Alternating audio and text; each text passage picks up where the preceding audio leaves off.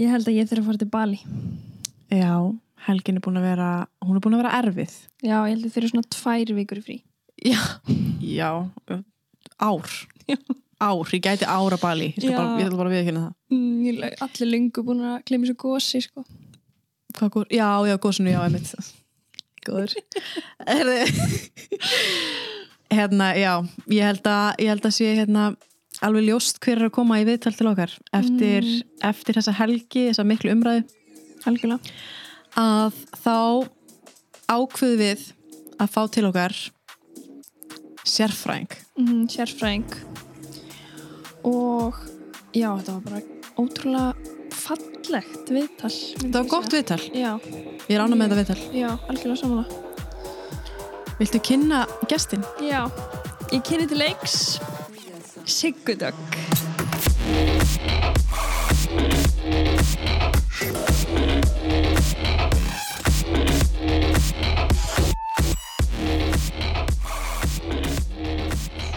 Að viti allir ástæðan okkur þú ert hér.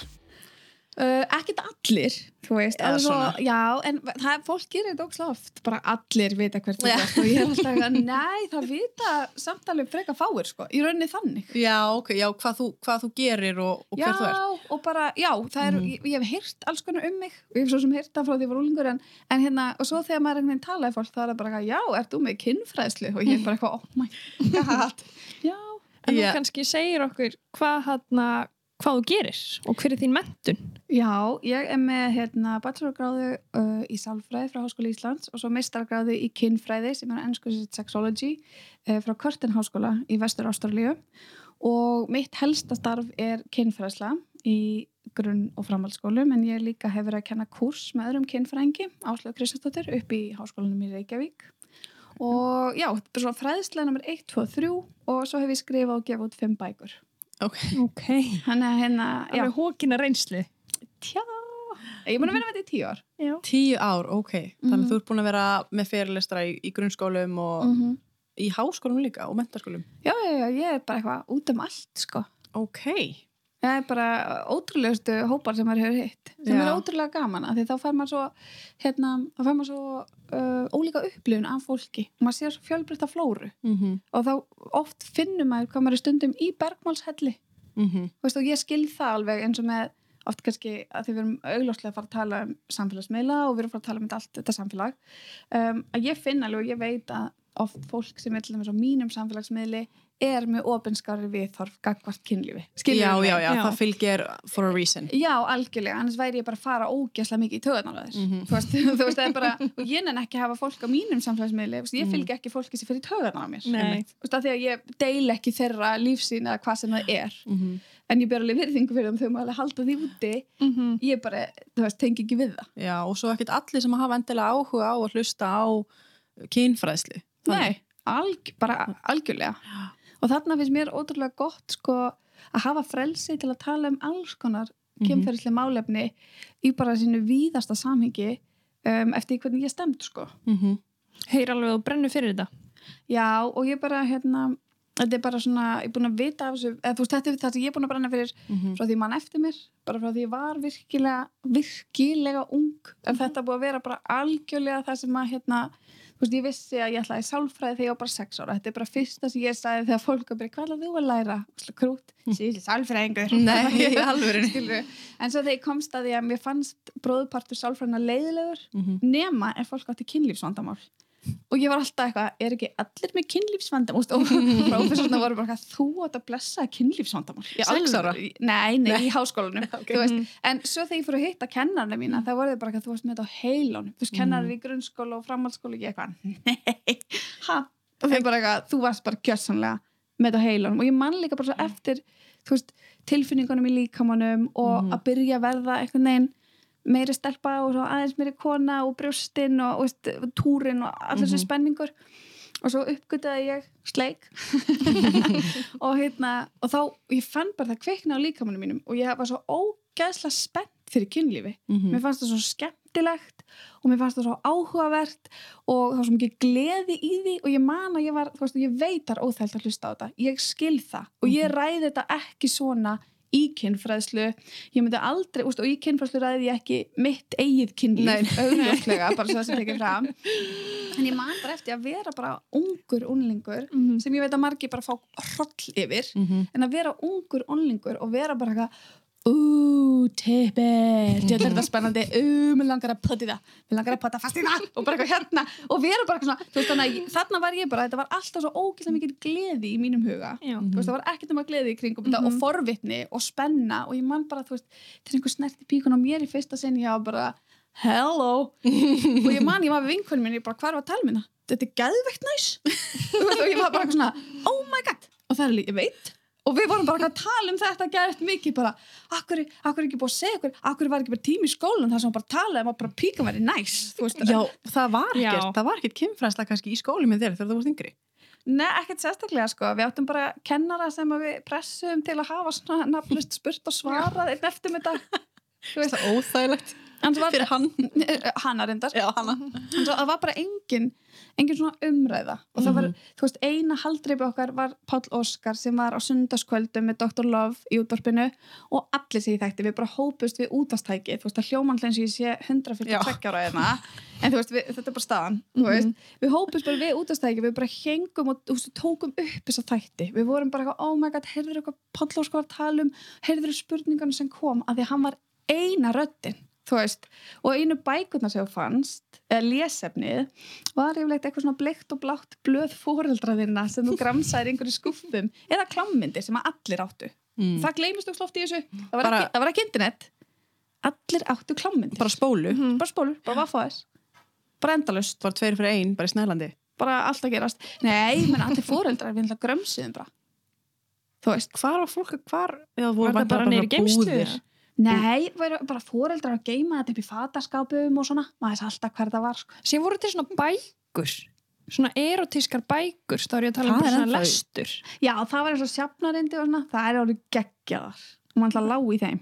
Maður lá svo lit í þeim. já, það, og ég menn það var bara svolítið þannig að þið vorum ógæslega forvitin Mm. og vildum vita og ég skildi ekki þess að þögn í kringum þetta Veist, allir eru einhvern veginn í þessu. Þetta er fullanins heimurinn. Mm. ég finna líka minn kallar á þetta. Mm en af hverju má ég þetta ekki? Mm. Hvað var, varst þá gömul þegar þú talar um, þú veist, eins og þegar ég var á grunnskóli, ég sko það, ég, fólk fær svo mikið kjánarhroll og aularhroll og vill vernda mig frá mér. Og það er ástæðan líka þú veist uh, og, og náttúrulega fyrir unlinga þá segir maður aldrei aldur því það hjálpar þeim ekki að taka ákvörðun fyrir sinn líkama. Mm. og, og ég veit að ég var, ég var ung, ég var mjög forvitin og, hérna, og ég er alveg svona fljótfær típa og hröð og þú veist og þegar það kveikna á þessu þá var ég all in. Ég bara hvað er að frétta? Mm og svo bara virkilega bara brotið á mér þarna um, sem úrlingur og, og ég man að ég var bara eitthvað svona mér fannst svo skrítið þá brotið á mér en ég bara alla skömmina. Og það var allt mér að kenna og ég var druslu skömmið í drast skiljið þá bara það, ég hefði bara geta verið með rauða húfu skiljið, það bara, Mm. var alveg þannig. Og, hérna, og ég man að mér fannst þetta svo ógæslega skrítið, ég skildi þetta ekki. Hann fekk ekki neitt. Ég fekk allt. Fór, komstu ofinberlega fram, sem sagt. nei, nei, nei, nei, nei. Nei. Nei, þetta var bara í partí, það bara voru Já. allir vitna að þessu. Já, já, svoleiðis. Já. okay. Ég skrifaði þetta mér, ég skrifaði um þetta í bók, bara þetta dæmi. Ég Mhm. fóð bara í gegnum þetta scenario og líka bara svolítið heilandi fyrir mig. Ég breytti hans nokkrum atriðum, eh, held ég til að leika veginn fyrir sjálfur mér minninguna. Ég gerði hana aðeins mýkri að ég upplýði. Um, og hérna, en ég var bara eitthvað svona, þetta verður að vera hana líka, þú veist. Þannig að, en ég, það sem ég fór svo erfitt er að um, ég upplýði bara eitthvað svona vákvæðum við þetta skrítið en ég hef samt ekki tapað gleðinni fyrir þessu ég er ekki Mhm. hrætt við þetta og ég skil einhvern veginn hvað þetta er marg laga og ég veit að þetta hljóma fárlegt að því ég var alltaf bara ung, ég var ekkert eitthvað vitringur sko, alls Mhm. ekki en ég man að ég var bara svona, ég á samt rétt á þessu, ég á rétt á líkamannum mínum og ég Mhm. á rétt á því að fá að kannan og njóta alls sem hann mögulega hefur upp á að bjóða. En samfélagið var að segja mér nei, þú ert að taka ákvörðin af því að það var brotið á þér. Mhm. og öll þín ákvörðinataka stýrist af því að því að það var brotið á þér. Þess vegna ertu svona. Menn ég var bara eitthvað, en ég er að upplega að gegja gleði hérna og þetta er að hjálpa mér að vinna úr því sem að ég skildi ekki alveg og þú veist, þess, þetta, þessum er þetta samtal svo flókið að því að Mhm. það er heldur ekkit samtal sem við eigum að því að það er ekkit hægt að segja öllum að allir eigi eins upplifun ég Nei. hef ekkert sagt við þig að, er, þú veist, hvort sem er með meðgöngu eða bara einhvern veginn sem konur gangi gegnum sem það er að kjósa að gangi gegnum eða kjósa ekki ég get ekkert sagt við þig, þetta verður svona og þér mun líða svona Mhm. Nei, algjörlega ekki. og það er svo erfitt ef að þín líðan er eitthvað skjön við eitthvað meiri hluta meiri hluta hóp, meiri hluta Mhm. rödd Mm -hmm. Hvar áum þá heyrast? Og Mhm. hvar færðu rými? Og það var svo fyndið að að, að ég man að ég bara eitthvað svona herði ok, þú veist, þú tókst þarna að mér ákveði vald, ég tek það bara tilbaka, þú veist, alltaf þú er druslu skam mig, hafðu yngar áhyggjur. Ég skal alveg gangast inn á hlutar að því að ég er ósláð forvitin. Þú veist, þannig bara eitthvað svona drusla, það er drusla að fara í sleik við marga? Það er alltaf leið, mér langar, mér langar í sleik við marga þannig að þú veist, ég bara, og ég man, ég var alltaf eitthvað svona af hverju er slemt að vera. Þú veist, mér fannst þetta svo skrítið sko. og svo manni þegar ég átti þarna kærasta eignast kærasta, hvað ég var hrein. Ég var svo hrein fyrir öllum það voru allir bara eitthvað ah, Mm. velkomin tilbaka í samfélag manna. Þú veist, eitthvað svona. Þú eignaðist kærasta. Já, og ég man það líka, þess að því ég byrjaði með kynfæræsluna þá var ég gift, gift, gift frú. Og hérna, og ég man að fólk svona já, ertu gift? gift karlmanni velkomin, bara hér Ha? Já, og svo þegar fólk að bara, áttu börn? Já, þú ert móðir með uh, sama manninum og ég bara eitthvað, já, og þeir eru gift?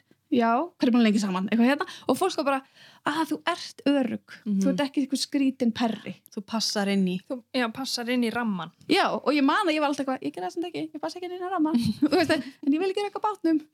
Já, Já. já, já, ruggabátnum, einmitt Og það er einmitt máli eins og ég sagði þegar við byrjum að tala um það og einhver bara eitthvað, þú ert algjör hæsni og akkur segistu að þú myndi vera með OnlyFans en þú gerir það ekki að þú átt ekki börn. mm -hmm. Um, þá er þetta að ég fylgja börni mér verði jáðasett út á mömmu sinni.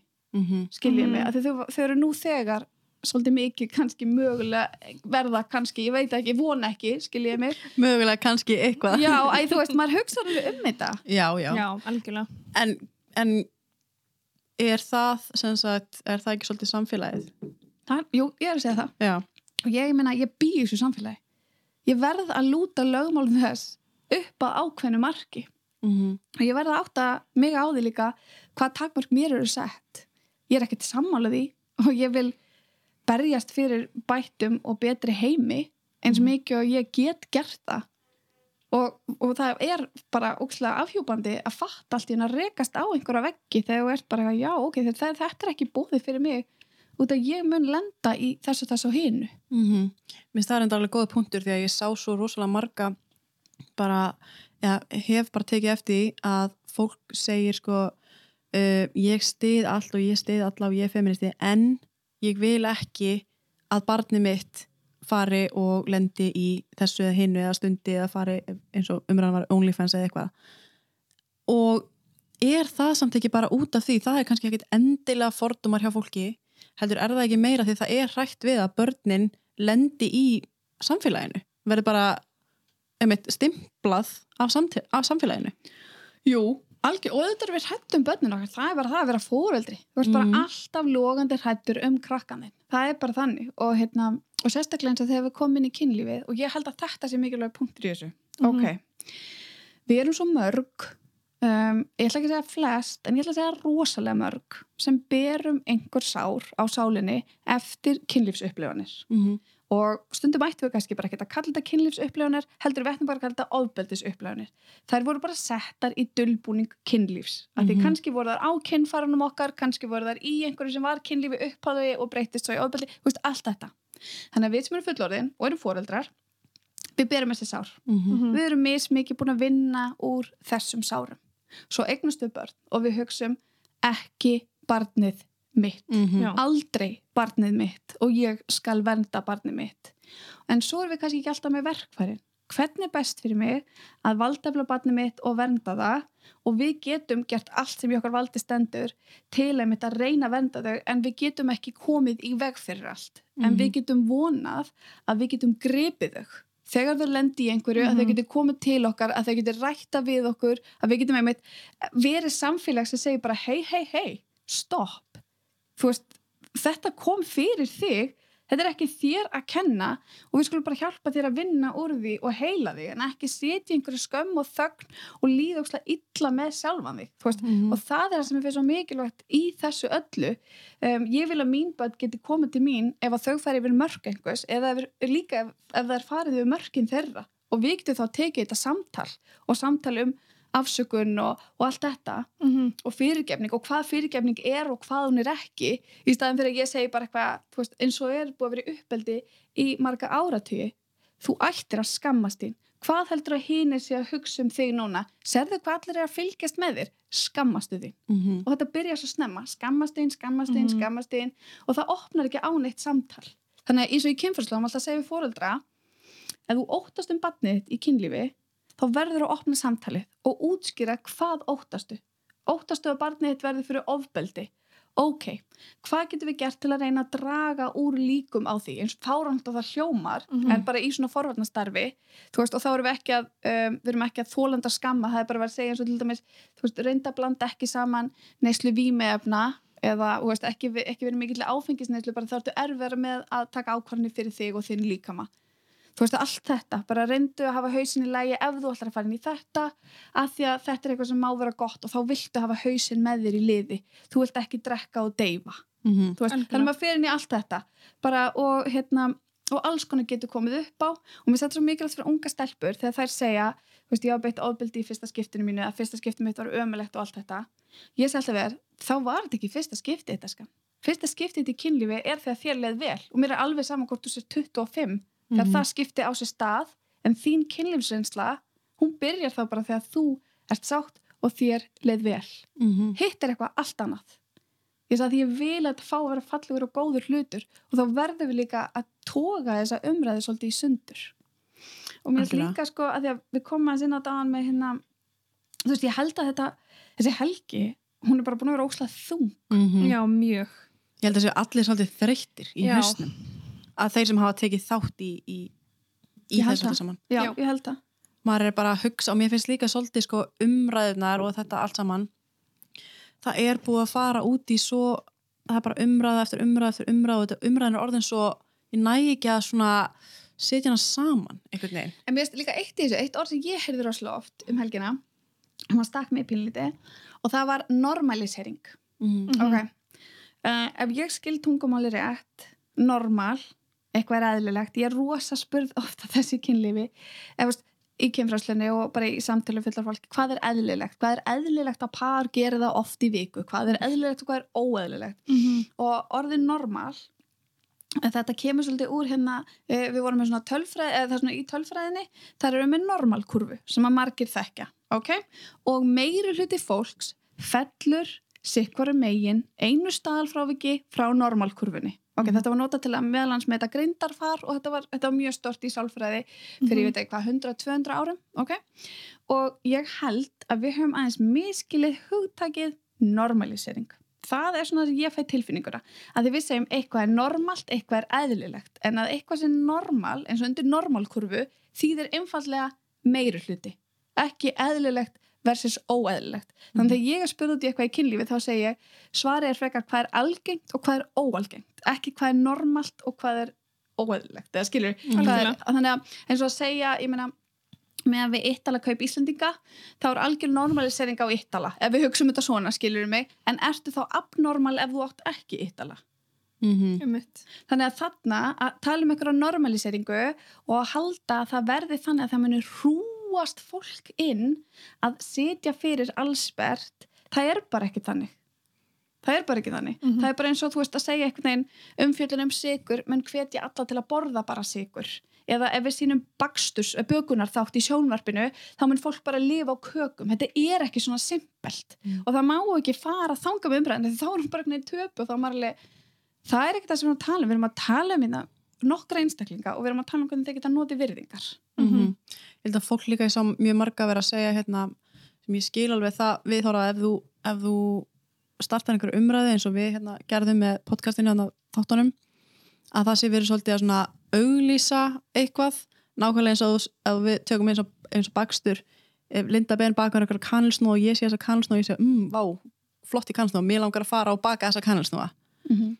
að þetta sé svolítið svona eitthvað þannig uh, að við séum að segja hérna OnlyFans og útskýra það og fólk er að græða pening og fólk sér bara grípur það á lofti og gerir það Já, sko, það er náttúrulega og sko, það er náttúrulega annað sem við förum inn í að því það er peningar við erum svolítið skrítin með peninga myndi ekki segja það? Okkur, Jú. okkur finnst það erfið umræða mm. og það er ástæði fyrir því til dæmis að sjálfbóðastarf lítur ákunnum lögmálum er út af því að sumt er erfitt að borga fyrir skilur, mm. með erfitt þá meina ég við hefum erfitt þetta krónutölu og ef þú fær til dæmis í svona hagfræðilega sálfræði sem ég hef mikið áhuga á og fór hans í upp í háskóla uh, að, og, hérna, og las mér óslega mikið til um það því mér finnst svo áhört að skilja sálfræðin á baku peninga og upplifum fólks af peningum. Mm og mjög margir glíma þar líka við alls konar sár. Þú er ekki ná heimabankan sinn þú veist, eru með eitthvað yfirdrátt og smá lán og þetta er svo óþægilegt og ég bara, ó, ég með ekki ekki og eitthvað svona.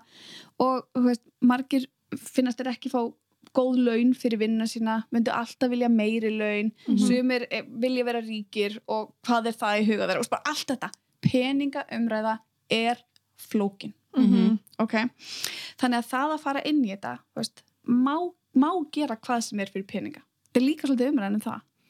Já, emmitt ég, mér finnst sko emmitt má gera allt fyrir peninga í rauninni þú þú mátt gera hvað sem þú vilt í rauninni. Uh, ég held að fólk sé líka hrætt um það að þú sért að gera eitthvað sem þið langar ekki til þess að gera fyrir peninga. En sko, þarna alveg þetta finnst mér þetta finnst mér moralismi ógæðslega góður.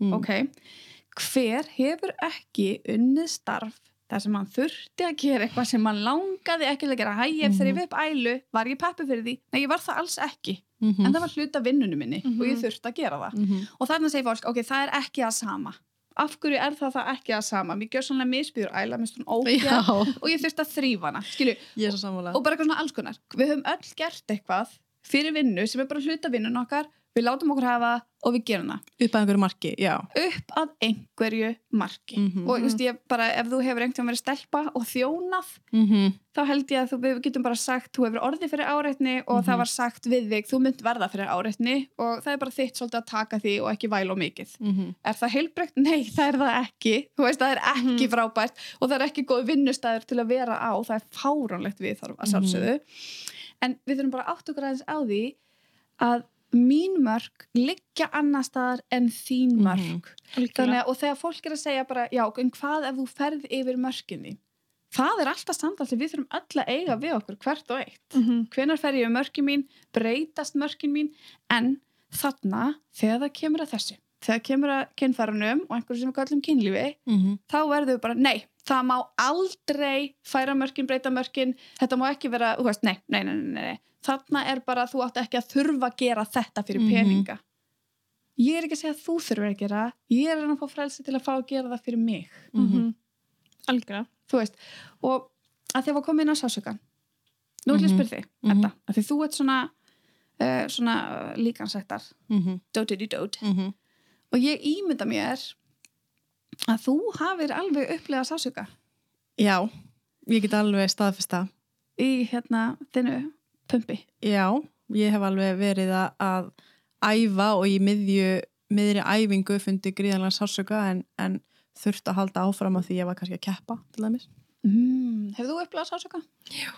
Ég bara, þú veist, var í fótbolta í 13 ár og maður hefur alveg brotið á sér hendina og haldið samt bara áfram því að maður bara, og við myndum aldrei mæla með því. Við myndum aldrei mæla með því fyrir neitt að halda áfram með með brotin handlegg. Mhm. um, ég mætti vinnuna með bara ókslamikla túruverki eða ógisildi manu með hausverk og, og ég vil eitt reyna maður úst, kannski að maður getur, en ég minna móti sumir hætta, aðrir reyna að þrauka og halda áfram. Þú hana í fótboltanum, skilu Mhm. þetta er bara alls konar. En þarna, þarna fannst mér svo margir koma inn á þetta þær voru að gera þetta þær uppleiðu sársöka og það er sársöka á kinnfærunum eigum við að byrja samtal um sársöka í píkunni? Ó já takk. Byrjum það. Að því við erum, ef þið vil tala um að normalisera þá erum við gjössamlega búin að normalisera það að píkum sé illt. Við erum búin að normalisera það að blæði úr þeim og að það eiga alltaf að taka tippi inn í sig sem á að fá að klára og brunda inn í saman að fokki upp pH-gildun okkar. Það er bara eitthvað svona ó, já, býtu, hvað segir sástu ekki í píkunni? Ó, halló, ég er með píku bara, ég þekki enga píku sem eru aldrei upplega sásuka í píkunni Mhm. og það er svo margar, einmitt unga stelpur sem vit ekki að það er ekki eðlilegt að vera með sásuka í píkunni Mhm. skilur mig, Mhm. að það í kynlíf með annari manneski er merkjum að hér má hætta bara, nei, nei, nei, nei, nei Mhm. eða eins og að þið verðum búin að tala um eitthvað það er svo mikið tala um að hérna, eina eðlilega kynlífi séu samfærir skilur líf með leggöng, það er bara svona kynlíf við þegar fólk hugsa á kynlíf Mhm. einhvern veginn og það er svo margar píkur sem ráða ekki við það af alls konar ástæðum Já. og að taka þetta samtal þá verður fólk bara eitthvað má það bara, en er það ekki hlutverk píkunar og maður er bara nei, nei, nei, nei, nei, nei, nei. þannig mér finnst við líka þurfa að aðskilja þetta þegar við erum að tala um þarna þegar við erum að tala um þessa OF umræðu Mhm. og fólk í vinnunni að því fólk er þarna vissulega í vinnunni, þetta er ekki falin myndavél Mhm. skiljiði mig, og fólk er í vinnunni og já það kannski þraukar í gegnum einhvern x ásöka að því það ætla sér að fá pening fyrir eins og flestir gera með flestar vinnur sem þeir fara í Mhm. skiljiði, ég hef verið um 40 stíð að hita í fyrirlasti, var það frábært? Nei, en ég fór heim eftir vinnuna en ég kláraði, Mhm. út af hverju? Mér vantaði peningin þú veist það er líka staðan sko. og við erum, svo, við erum svo þetta, það er enginn að þurfa að gera þetta fyrir peningin, við erum öll að vinna fyrir peningin Mhm. Veist, hvaða Mhm. útópíu eru þið í ef þið eru ekki að vinna fyrir pening en, svo, en svo sá ég fólk um, umræðan snúast um sko að, einmitt, þú, að það er ekki að sama eins og, eins og hann Ingo saði pappi hann saði það er ekki að sama að, hérna, að þú getur grætt pening en það skiptir máli hvernig þú græðir hann Mhm. -hmm. Og að líka að við eigum að bera virðingu fyrir sjálfum okkur og ekki nota sérst líkamann okkar til þess að um, græða pening. En við gerum það, hvað gera nuttarar þeir vissulega græða pening á líkama sinn, þeir nota hendurnar. Allir sem Mhm. nota hendurnar er að nota líkama sinn. Um, sálfræðingar, þeir eru að nota hugan sinn. Þeir eru, þú veist, við erum öll að nota líkamann okkar á einn annan hátt. Akkur segir fólk það ekki beint og þú mátt ekki græða á kynfærunniðinum já Mhm. ok, þannig að allir læknar sem vinna við kynfærin, þeir græða á kynfærum annara þú veist, hvað erum við að tala um hérna? Mm það er einmitt, það var sett í sammingi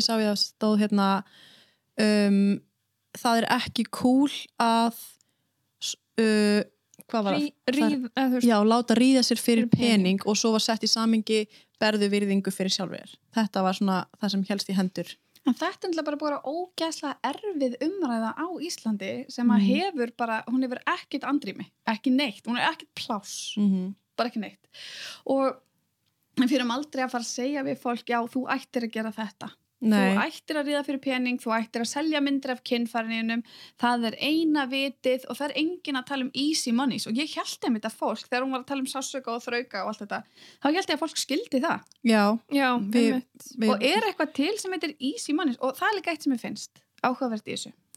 Við eigum líkamann okkar ok, og ef við gefum okkur það við eigum líkamann okkar.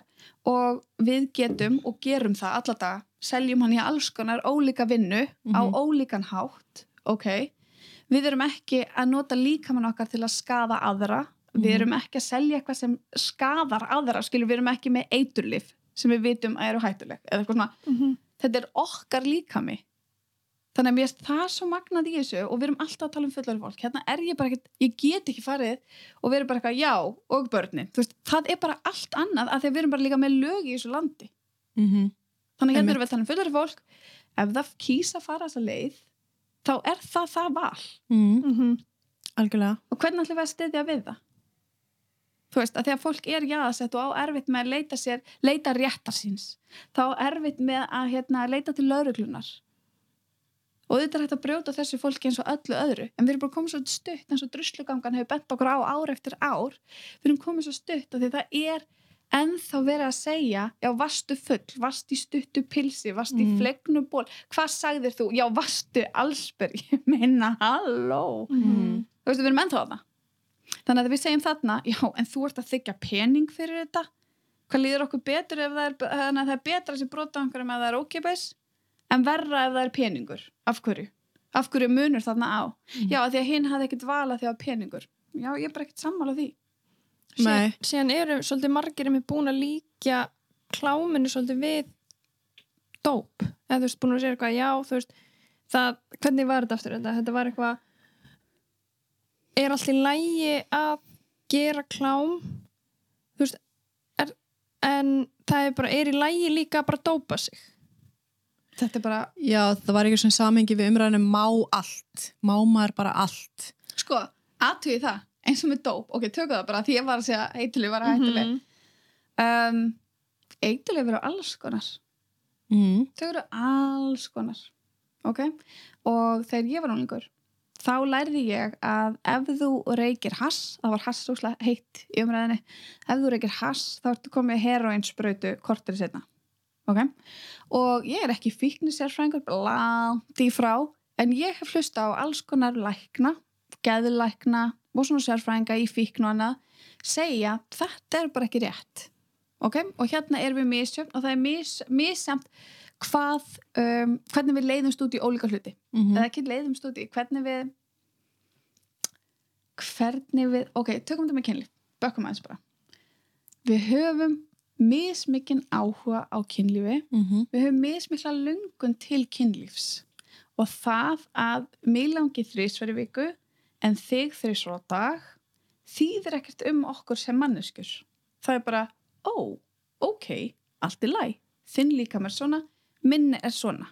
Og við sjáum þetta með svo margt sem í tengslu við líkamann. Um, ég á vinkonu sem getur drukkið, drukkið 20 bjóra og ég dreg ekki að stundan það er mjög dýrt að fara með henn á barinn ef maður ætlar að blæða. Hún drekkur 20 bjóra og hún blikkar ekki. Ég drekk þrjá og ég er ofurölvi. Mhm. þú veist, og er tvo daga að borga fyrir það skiljiði mig og hún getur vaknað fimm tímum setna og er fann út að skokka. Mhm. þannig að líka þegar við erum að tala um þetta þá erum við alltaf að tala um líkamar eru ólíkir fólk er ólíkt og það er ekki hægt að slá hérna alveg flata línu, það er það Mhm. bara ekki. Og það er ekki hægt að segja ef þú gerir þetta þá mun það hafa þessi áhrif á þig svona. Mhm. og ég, þetta er flókin umræð og ég veit Já, að það er einhverju núna að berja hausnum í borðið og eru bara eitthvað hættu að tala sigriður, þetta er komið gott. Eitthvað hérna, að þið verum að fara líka út í málefni sem að ég er ekkert sérfræðingur í eru ógæslega stóra og ógæslega mikið og allt í unna áttu við að vita allt. Já, Já. Það, sem, það sem mér fannst svona skrí, ég, ég, við, ok, við getum alveg sagt að við kannski byggumst ekki alveg við þessu bara þessari sprengju. Við þetta- byggustu sprengju Við byggjumst alveg við umtali Já. og sprengju smá, sko, en ekki alveg þessari sprengju og þessari reyði og það sem, það sem mér fannst svona skrýknast við umræðina er að reyðin sem kom og þetta, þetta má ekki, þetta er ekki lægi, það má ekki tala um þetta, það á ekki að tala svona um þetta. Og allt í einu, allt í einu voru svo margir svona sérfræðingar hérna úti sem ég einhvern veginn tók og það alls ekkert eitthvað mentaði sérfræðingar, bara allt í einu settu þessu sjálfan í einhverju sérfræði stöðu og ég sá strax bara, ok ég skil alveg þessi viðbröð út því þetta er bara samfélagi bara búið að segja þetta í mörg ár. mm -hmm. og það er náttúrulega erfitt fyrir eitthvað sem er búin að hafa sömu skoðun, kannski 20 ár að heyra eitthvað svona og ætla allt í einu að opna hug, ég bjóst ekkit við því endilega fólk er því bara eitthvað hlusta á þetta viðtal og er bara svona, ok, cool. en mér fannst samt skrítið bara hvernig allir ég ætla nú ekki að segja allir mjög margir höfðu rosalega sterka neikvæða skoðun á þessu. Já, og ég veit að fólk sko þólir ekki, oft finnst ég vera að vegaleiða og fara út í sálma sem tengjast þessu ekki neitt og eitthvað svona. Mhm. en, en mér langar bara í eitt, mér langar í eitt að því að við erum með persónuvendarstefnu og bara persónuvendar lög sem venda börnin okkar og börnin eiga rétt á sínu fríðhelgi mm -hmm. við látum það algjörlega óáreitt hvernig börn eru nótið sem auðlýsingavara hjá alls konar áhrifavöldum og það er deilt endalust að myndum að þeim sofandi, vakandi, klósettinu allsberum, að borða, ekki að borða veist, allt þetta. Mhm. og þar eru við bara eitthvað, já en það er krútlegt og þar með þess að höfu við veist, rúflit gera þætti um þetta. Og þar með þess að eru áhrifavaldar að segja já en þegar ég sá að þau vildu meira af börnunum, þá tók ég fleiri myndir af börnunum að því að það var bröðust svo vel við því ég fekk svo mörg like, þannig ekki segja mér að fólk færi ekki mörkin sín í, á öðrum stöðum líka skilur mig og sé að eldast við ákveðna hluti, Þú veist, mér finnst svo ógesla margir setja sig í dómarasætið Mhm. að það bara, já, það eru krakkar, þau eru krút bara, eiga þau ekki rétt á sínu lífi? Eiga þau ekki rétt á sínum tíma með þér? Af hverju eru þau á samfélagsmiðlum? Þau eru Mhm. fyrst alveg ekki með aldur til að vera á samfélagsmiðlum og þú ert að deila allir lífinu þeirra og þeim finnst bara ekkert aðtugavert við það. Hvar endar það eftir 15-20 ár Mm. skiljiði mig, þegar þau eru bara hefur viltu vinslast fjalla þessar myndir hérna? Þú veist, og bara, þú, ó, þú bara síndir fæðinguna mína, þetta er fyrsta stundin mín í þessu lífi. Þú veist, ég er að mæti í heiminn. Akkur er 15.000 manns með mér í því? Skilur, og ég skil að fólki veist fæðing falleg, hún bara er það skilur og allt þetta, Mhm. en mér finnst bara getum við aðeins staldra við ef við ætlum ekki að sjá móralisman í þessu? Mm. Þú veist, það er það sem ég bara nenniði aðeins að stíga tilbaka en við erum bara að koma úr arleið sem að bara meðal hans biblían og þetta sem að segir okkur dæmdun að hunga þinn og dæmdan hart, þú veist, biblían er svolítið mótsagnar kenda vísu, Mm. en hún, það er þetta. Þú veist, fylgstu með nágranninum hvað er hann að gera, þú veist okkur svona, og þessi samkeppni og allt þetta þetta er bara alltaf bubla upp á yfirborðið Mm það er svona mín upplifun af þessu og við erum bara alltaf í að læra við erum að Mhm. læra að vera fólk og við erum að læra hvað við erum ólíka því alltaf í koma alls konar gæðarhópar upp á yfirborðin sem eru búin að vera í felum eða í rattleysi Mhm. og við erum eitthvað what? Fílar fólk þetta? -hmm. Og, og þetta hérna núna þetta voru íslenska stelpur þetta voru ekki hóru út í heimi -hmm. þetta voru fallegu stelpunar okkar og við bara oh my god, getur þetta gerst á Íslandi? -hmm. fyrir fallegu konurnar okkar. Og að þú skoða frétta fyrirsagnar í morgumblæðinu 1940 og hvað þegar ástandi var, kláraðist ekki stríði hvað kláraðist ekki stríði 45 eða eitthvað svona. Þannig að Jú, eitthvað í kringum 1940, 2, 3, 4, 5 eitthvað stað þar, ef þú flettir mokka fyrirsögnum og sérð bara umfjöllunum stelpunar í ástandinu ég fekk bara ég fekk bara flashback mér leið bara eins og ég var í orðin langama mín, skiljiði mig Mhm. og ég þurfti að passa mig ég þurfti að passa mig á fallegu mönnunum að því að kallminn var ykkur byllandi minnumáttukendina á Íslandi og konurnar alveg brjálar skiljiði Mhm. og ég bara eitthvað svona ha, oh my god vá hvað er alltaf stutt í þetta Mm. Algjörlega. og mér, mér hérna þú veist, þetta er umræða sem búið að vera út af heftinu og reyðinni þá er maður bara eitthvað svona, herru tökum aðeins skref tilbaka -hmm. og kannski skrifum bara nýra á blað hvað er það einna sem stuðar mig er það það að uh, fólk sem hefur byrtað sér nektament fær ekki vinnu á Íslandi í framtíðinni er það satt, rétt eða rámt skiljiði mig, Mhm. þannig bara við förum í gegnum þetta eins og krossapróf eða svona eins og flæðiritt þið munið þegar maður er eitthvað svona já eða nei, já eða nei, já eða nei Já, og svo fer maður svona niður svona tré Mhm. skiljiði mig, Já. bara eitthvað ef við, ef við getum bara tekið veginn þannig þannig að það verður svolítið skipulegt í hugum fólks hvað óttast ég og af hverju óttast ég það? Mhm. Ég held Þannig að að- það sé svona mest það sem fólk er að leitast eftir líka. Já, að það vill uh, einmitt vita bara skuggarliðar og, og hvað gerist og af hverju er ég hrætt við þetta og allt þetta sko. Og en samt ég held að fólk sé svolítið bara það er hrætt við að þessi umræði sé að opnast. Það er Mhm. bara, það vill ekki að vita það sem er í gangi að það hefur einhverja skoðun á því. Mm og ég skil það alveg sko. Ég skil það Já. alveg en um, það, sem, það sem mér finnst smá skrítið líka er það það vita allir ekkert ný umræða. Þetta er svo sem ekkert nýtt. Það vita allir af eða vita flestir eða mjög margir af uh, bara þessu hérna, veist, hvað er að gerast í klámiðinni og hvað er að gerast OnlyFans. Já, en líka ef ég bara, sorry aðeins hérna að staldra við að því ég elska tímavélina, því ég er auðvitað miklu eldri en þið og bara Mhm. hef muna tíman að tvenna stúlkur og hérna, hér var hrun. Nei, en hérna, ef við förum bara tilbaka og förum 1900 árið 1992 tökum það bara sem dæmi. Þar er til dæmis verið að gefa út blað eins og bleikt og blátt. Mhm. og svo er verið að gefa út séð og heyrt það sem er séð og heyrt stúlkan. Það sem Mhm. þú ert eitthvað svona frekar létt klætt í einhverju svona leðurstígvelum það var bara enda í fyrra eða eitthvað og heyrt stúlkan já, þetta er bara eitthvað, svona fimm ár síðan það hætti sko. já, já, en hún var ekki alveg svona en svo, svo er ég búin að safna bleikt og blátt okay. ég er alveg, ég er búin að vera að keira ringin um Kríkunlandi og er alltaf að beða fólk um að gefa mig blöð ef það finnur út í bílskur og er búin að vera að safna þess að því mér finnst þetta svo merkilegt mm -hmm. og þar eru alls konar nektarmyndir og nektarþættir og oft, veist, og bara kynlíf það er bara sínt bara svona kynlíf á filmu ef við viljum kalla það það eða á mynd sem sagt. Já, mynd, já, minni, Mm. já. Og, hérna, og það er oft með andlit, það er bara eitthvað mjöll á Dalvík, mm -hmm. hefur gaman að bönunum og eitthvað svona bla bla bla, skilju, og gaurar eitthvað á rassinum einhverja hanska og eitthvað, það er alls Mhm. konar, þetta er allt undir andlit og eitthvað. Mér er svo áhvert þetta fólk mætti ekki þessari skömm, það kom kannski slúður, það kom eitthvað svona, oh my god, mjöll í nýjasta, eitthvað hérna, svo var ekkert meir um það það var ekki þetta hún er ósnertanlega, hún er skítu þannig að það verður líka viðsnúningur í umræðinni já, það gleymist oft, það er eins og internetið hafi bara allt sér til með tilkomi internetsins. Já veist, og lifir að eilíf, þetta lifir að eilíf ég á þessu bleikt og blátt blöð, sko. Ég get Mm. bara fundið mjöll á Facebook og takka hana. En þú veist, það hefur bara ekkert upp á sig. Hún bara var í þessu blaði og svo bara glemtust allir og mm. lífið hjælt bara áfram og, veist, og við verðum eiga afturkvæmt í þetta samfélag mm ef við brjótum af okkur. En af hverju er þetta að brjóta af sér? Svo er það. Svo er það. Ég, hérna, og að þið sjáu börnundur aldrei á OnlyFans eða þið rekist á það eða hvar sem það er mm. tilkynnið það Algjörlega. bara tilkynnið það Mm. allan daginn ekki láta það óáreitt sama hvernig það er eða, þú veist, eða, eða bara eins og Páll Óskar var lendi eða þú veist, tilkynnið, tilkynnið, tilkynnið Já. En síðan einmitt fór ég svolítið að grúska í því, þú veist, reglunum sem OnlyFans er með, þú mm. mátt sem sagt ekki vera undir 18 ára að inn á. Mm. Þá þarfst að senda sem sagt mynd af vegabriðinu og með andliti hliðin á.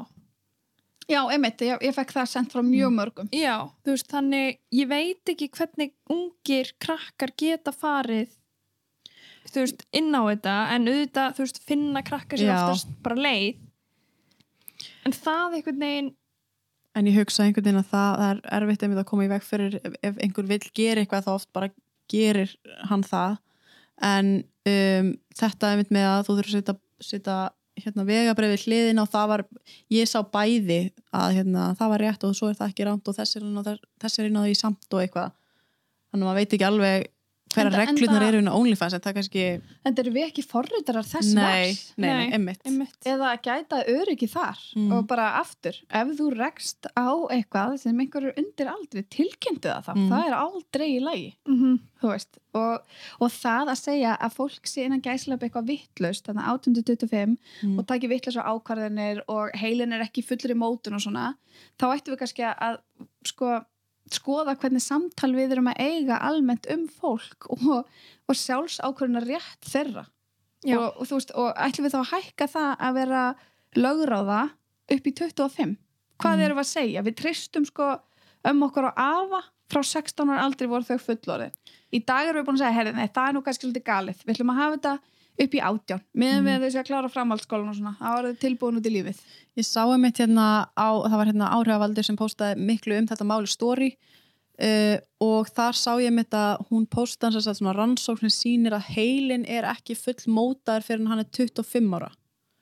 Og að maður geti í rauninni þá, eða ég tók þannig að maður geti þá í rauninni ekki tekið um, ákvarðan eða góðar ákvarðanir fyrir hann 25 Vá, ég þekki nú bara nei sko, ok, ég ætla að endur þetta. Um, heilin er í mótun. Hann, er í, hann, hann, tek, hann tekur alls konar þroska það tekur þroska breytingum um, og hann svo fara neitt eitthvað djúpt í heilavísindi. Nei, nei, erum við þá að fríja alla undir 25 ábyrð á öllu því sem þeir gera? Hvað ætlum við þá að gera við fólk fram að 25 ef við erum að segja þetta? Ef við Mm. trúum þessu þú veist, ættum við að senka bílprónu til 25 En þú veist, hvað, hvað erum við að tala um? Hvað, hvaða forræðsíkju ætlum við þá að hafa þegar við erum að segja að þú ert ungur og vittlus mm, en það má vera ungur og vittlus mm, og af hverju er þetta dæmi um að vera ungur og vittlus jú að því að við sögðum það. Þetta er röng ákvörðun. Þú ert að skammast þín. Engin heilvita manneska setur myndir af kynfærun sinum á netið. Og þetta mun elda þig alltaf að því ég mun sjá til þess að þú munir eftir þessu og skammist þín fyrir það. Mm skiljið mig? Akkurat. Þannig að bara, hvernig gat orðræðan farið frá því? Einmitt. Og ég man, þegar ég gerir kynfæramyndinar 2014, nafnlausalt by the way þá var ég svo, ég var gaggrind svo ógæsla mikið, þið skilja ekki. Ég var gaggrind fyrir um, hvað það væri ógæðslegt að sína fjölbreytileika kynfæra. Ég var gaggrind fyrir að það væri klámyndir uh, það voru bara kynfæri og þannig að það má greinlega ekki sína þá kynfæri nema þessu klámvætt eða eitthvað skiljur Mhm. og ég var gaggrind fyrir að sína ekki andlit þessa fólks. Og ég sagði ég stend fyrir framann fólk og sína þessar myndir og tek umræðina skilur, og ég er búin að gera það núna í hérna hvað, sjö ár ég heyri hvað fólk segir. Já þessi er örgulega ljót. Djúvilega þetta ógeðslegar bara Mhm. orðin sem flakka um kynfæri fólks, við erum Mhm. ennþá þar. Við erum ennþá svo ógeðslega niðrandi og dónar og það sem ég heyrði. Djúvilega hún ljótar vinkonur. Og einn vinkon mér var í partið sem það var sagt. Hún bara, eitthvað, ég satt ekkert fyrir. Hvort, what, bara hér skilur hún bara, eitthvað, ég veit ekki eins og hvað fólk satt fyrir hjá hann, þetta var í algjöru nafnleysi og, og ég þurfti að gera það líka að því að ég þurfti að leifa fólki að fá þetta rými. Og það þurfti að treysta mér og ég þurfti að treysta þeim skilur, og ég þurfti að útskýra í hvað tilgang þetta var. Og eins og þessar myndir þær eru notaðar um allan heim um allan heim. Og ég tók þessar myndir, þú veist, fekk styrk fyrir að taka þær, þannig að ég geti borga stúdíu og allt þetta og þær hafa alltaf verið endurgjaldslausar fyrir alla sem vilja nota þær og sjá þær. Ég sjálf er búin að dreifa mát um allan heim og svo er það nota þær í kynfræðslu um Norðurlöndin, þær eru, þær eru til í Íran hjá Mhm. kynfræðingum. Þú veist, þær eru bara, þær eru allstaðar Ástralíu, þú veist bara, you name it, þær eru þar. Af því að þetta er svo mikilvægt af því að fólk fattaði að við verðum að hýfa umræðinu upp á annað plan. Mm. og alveg svo við sjáum oft veist, fyrirmyndir. Og við getum sagt fyrirmyndir slags áhrifavaldar er mikið af kannski svona það sem við segjum að sé ekki típisk fegur sem að næri langt þar. Eða gerum við ógæsla mikla kröfu á fólki sem við viljum sjá hana að það sé fallegt að það sé ákveðin líkamsvöxtur að það sé málað eða filterað eða búið að greiða sér eða komið töff fyrir eða allt þetta. Mhm. pressun sem við sitjum á annað fólk við sitjum það líka þannig í kynlífi skilju, þannig að við erum veginn það sem við viljum horfa á, þetta hefur rannsakað við viljum oft, klámið sem fólk sækist í er oft mjög einhæft bara því að það er cirka bát eina frambóðið það er mjög erfitt að koma að fjölbreyttum líköfum að því að fólk segir bara eitthvað ég vil bara horfa eitthvað fallega fólkið og mjóa fólkið og þú veist, ég vil bara ímynda mér að raskut sé ekki brúna því ég vil ekki hugsa um að kúkur komið þann út. Þetta er bara svona, orðræðan verður algjörlega galin að því að fólk aðgreinir svo þetta frá raunveruleikunum. Að því að stundum er svo skrítið þú veist, hafið þið tekið ykkur upp að stunda kynlíf Já, ég hef. Finnst það fannst ekki skrítið að horfa? Nei, oh my god, ég er bara hvað sem ekki kjánarhald aha. Já, ég varð ógæslega meðvituð og lítil í mér, ég var bara eitthvað Í alveg ég var alveg, oh my god, oh, er það sinna mér svona? What? Ég er bara, já, you go girl. Já, ég var ekki, nei, ég fór í bara keng, ég, ég var alveg já, ég tók alveg svona þú veist bara eins og að vera fyrir að brotlenda í flugvel skilur, ég var bara oh, bara hér þú veist, og það var ekkert að því ég hugsaði eitthvað, oh my god, ég feit með fellinga nei. ég fór ekkert þangað, ég var bara eitthvað hér, mér fannst allir mér fannst, mér fannst þetta bara eitthvað pínu brútal sko. ég var bara, ó, í mínum huga var þetta bara eitthvað blóm og fannir lýsing og, og svo var þetta bara svona "Ugh, ok, ég veit ekki með þetta þú veist, þannig að er þetta upplifin okkar Mhm. algjörlega ólík og það er alltaf læg mm -hmm. Algjörlega Þannig að mér finnst þetta líka, þessi umræðal er líka stór og ég veit Mhm. að við vöðum vegna úr einu í annað og aftur, fólk er eitthvað svona að fá pínu kass. En ég meina þetta, mér fannst þetta bara svo svolítið sem lýsir bara helginni og það sem gerðist, það bara umræðan fó bara í eitt og annað, bara í eitt Já. yfir í annað bara, end allt í nú vorum við bara að tala um OnlyFans og svo allt í nú vorum við að tala, byrja að tala um eitthvað allt annað Mér er bara svo margar umræður í gangi mörg teik, allir með skoðanir og það, ég bara þetta, en svo það sem var leðilegt úr þessu sem ég tók úr þessu sem var leðilegt var einmitt þetta, þetta fór yfir í bara algjört um, bara niðurlægingu svolítið um, slutshaming og já, bara svolítið einstaklingatekni fyrir og já, mér fannst það leðilegt sko Já, ég er alveg samanlegaður. Við erum ennþá líka í orðræðinu hvað ertu búin að vera með mörgum. Það er ennþá Já. í grunnskólum, það er ennþá Mhm. mjög mikið spurt að því og ég spyr oft í framhaldsskóla og spyr ég krakkana hvað eru of margir og ég er náttúrulega alltaf spurða þessu hvað eru verið mörgum og þegar ég segi ég veit ekki, ég hef ekki töluna og það er bara mm -hmm. what? Og fyrst ég bara alltaf að segja þetta og fullarni kallmenn hafa staðið upp á fyrirlustur hjá mér fullarni kallmenn, allskáðir hafa sagt bara og vill einhver vera með þér hvernig liður manninum að heyra þetta finnst þú ekkert ógeðsleg og hvað ertu með víða píku það? Vist, ég bara fengi þetta Mm. allt í smetti þetta er enn, Ah. já ekki, ekki ég reyndar en, en ég bara ég hef bara verið í hóp þar sem þessi, þetta hefur verið umræðan. Skilur, hún er búin að vera með svona mörgum hún lítur að vera ógislega víð. Mm -hmm. eða þú veist, hver vill vera með henni? Vist, hún reið hérna þessum eða þessum þau skilur bara enda laust og þetta er ekki eitthvað fyrir tíu árum sko. þetta er bara enda Mm og þetta er ég leðilegt Aha, það sem geggjað og Já. ekki, þú veist að þetta er leiðileg já.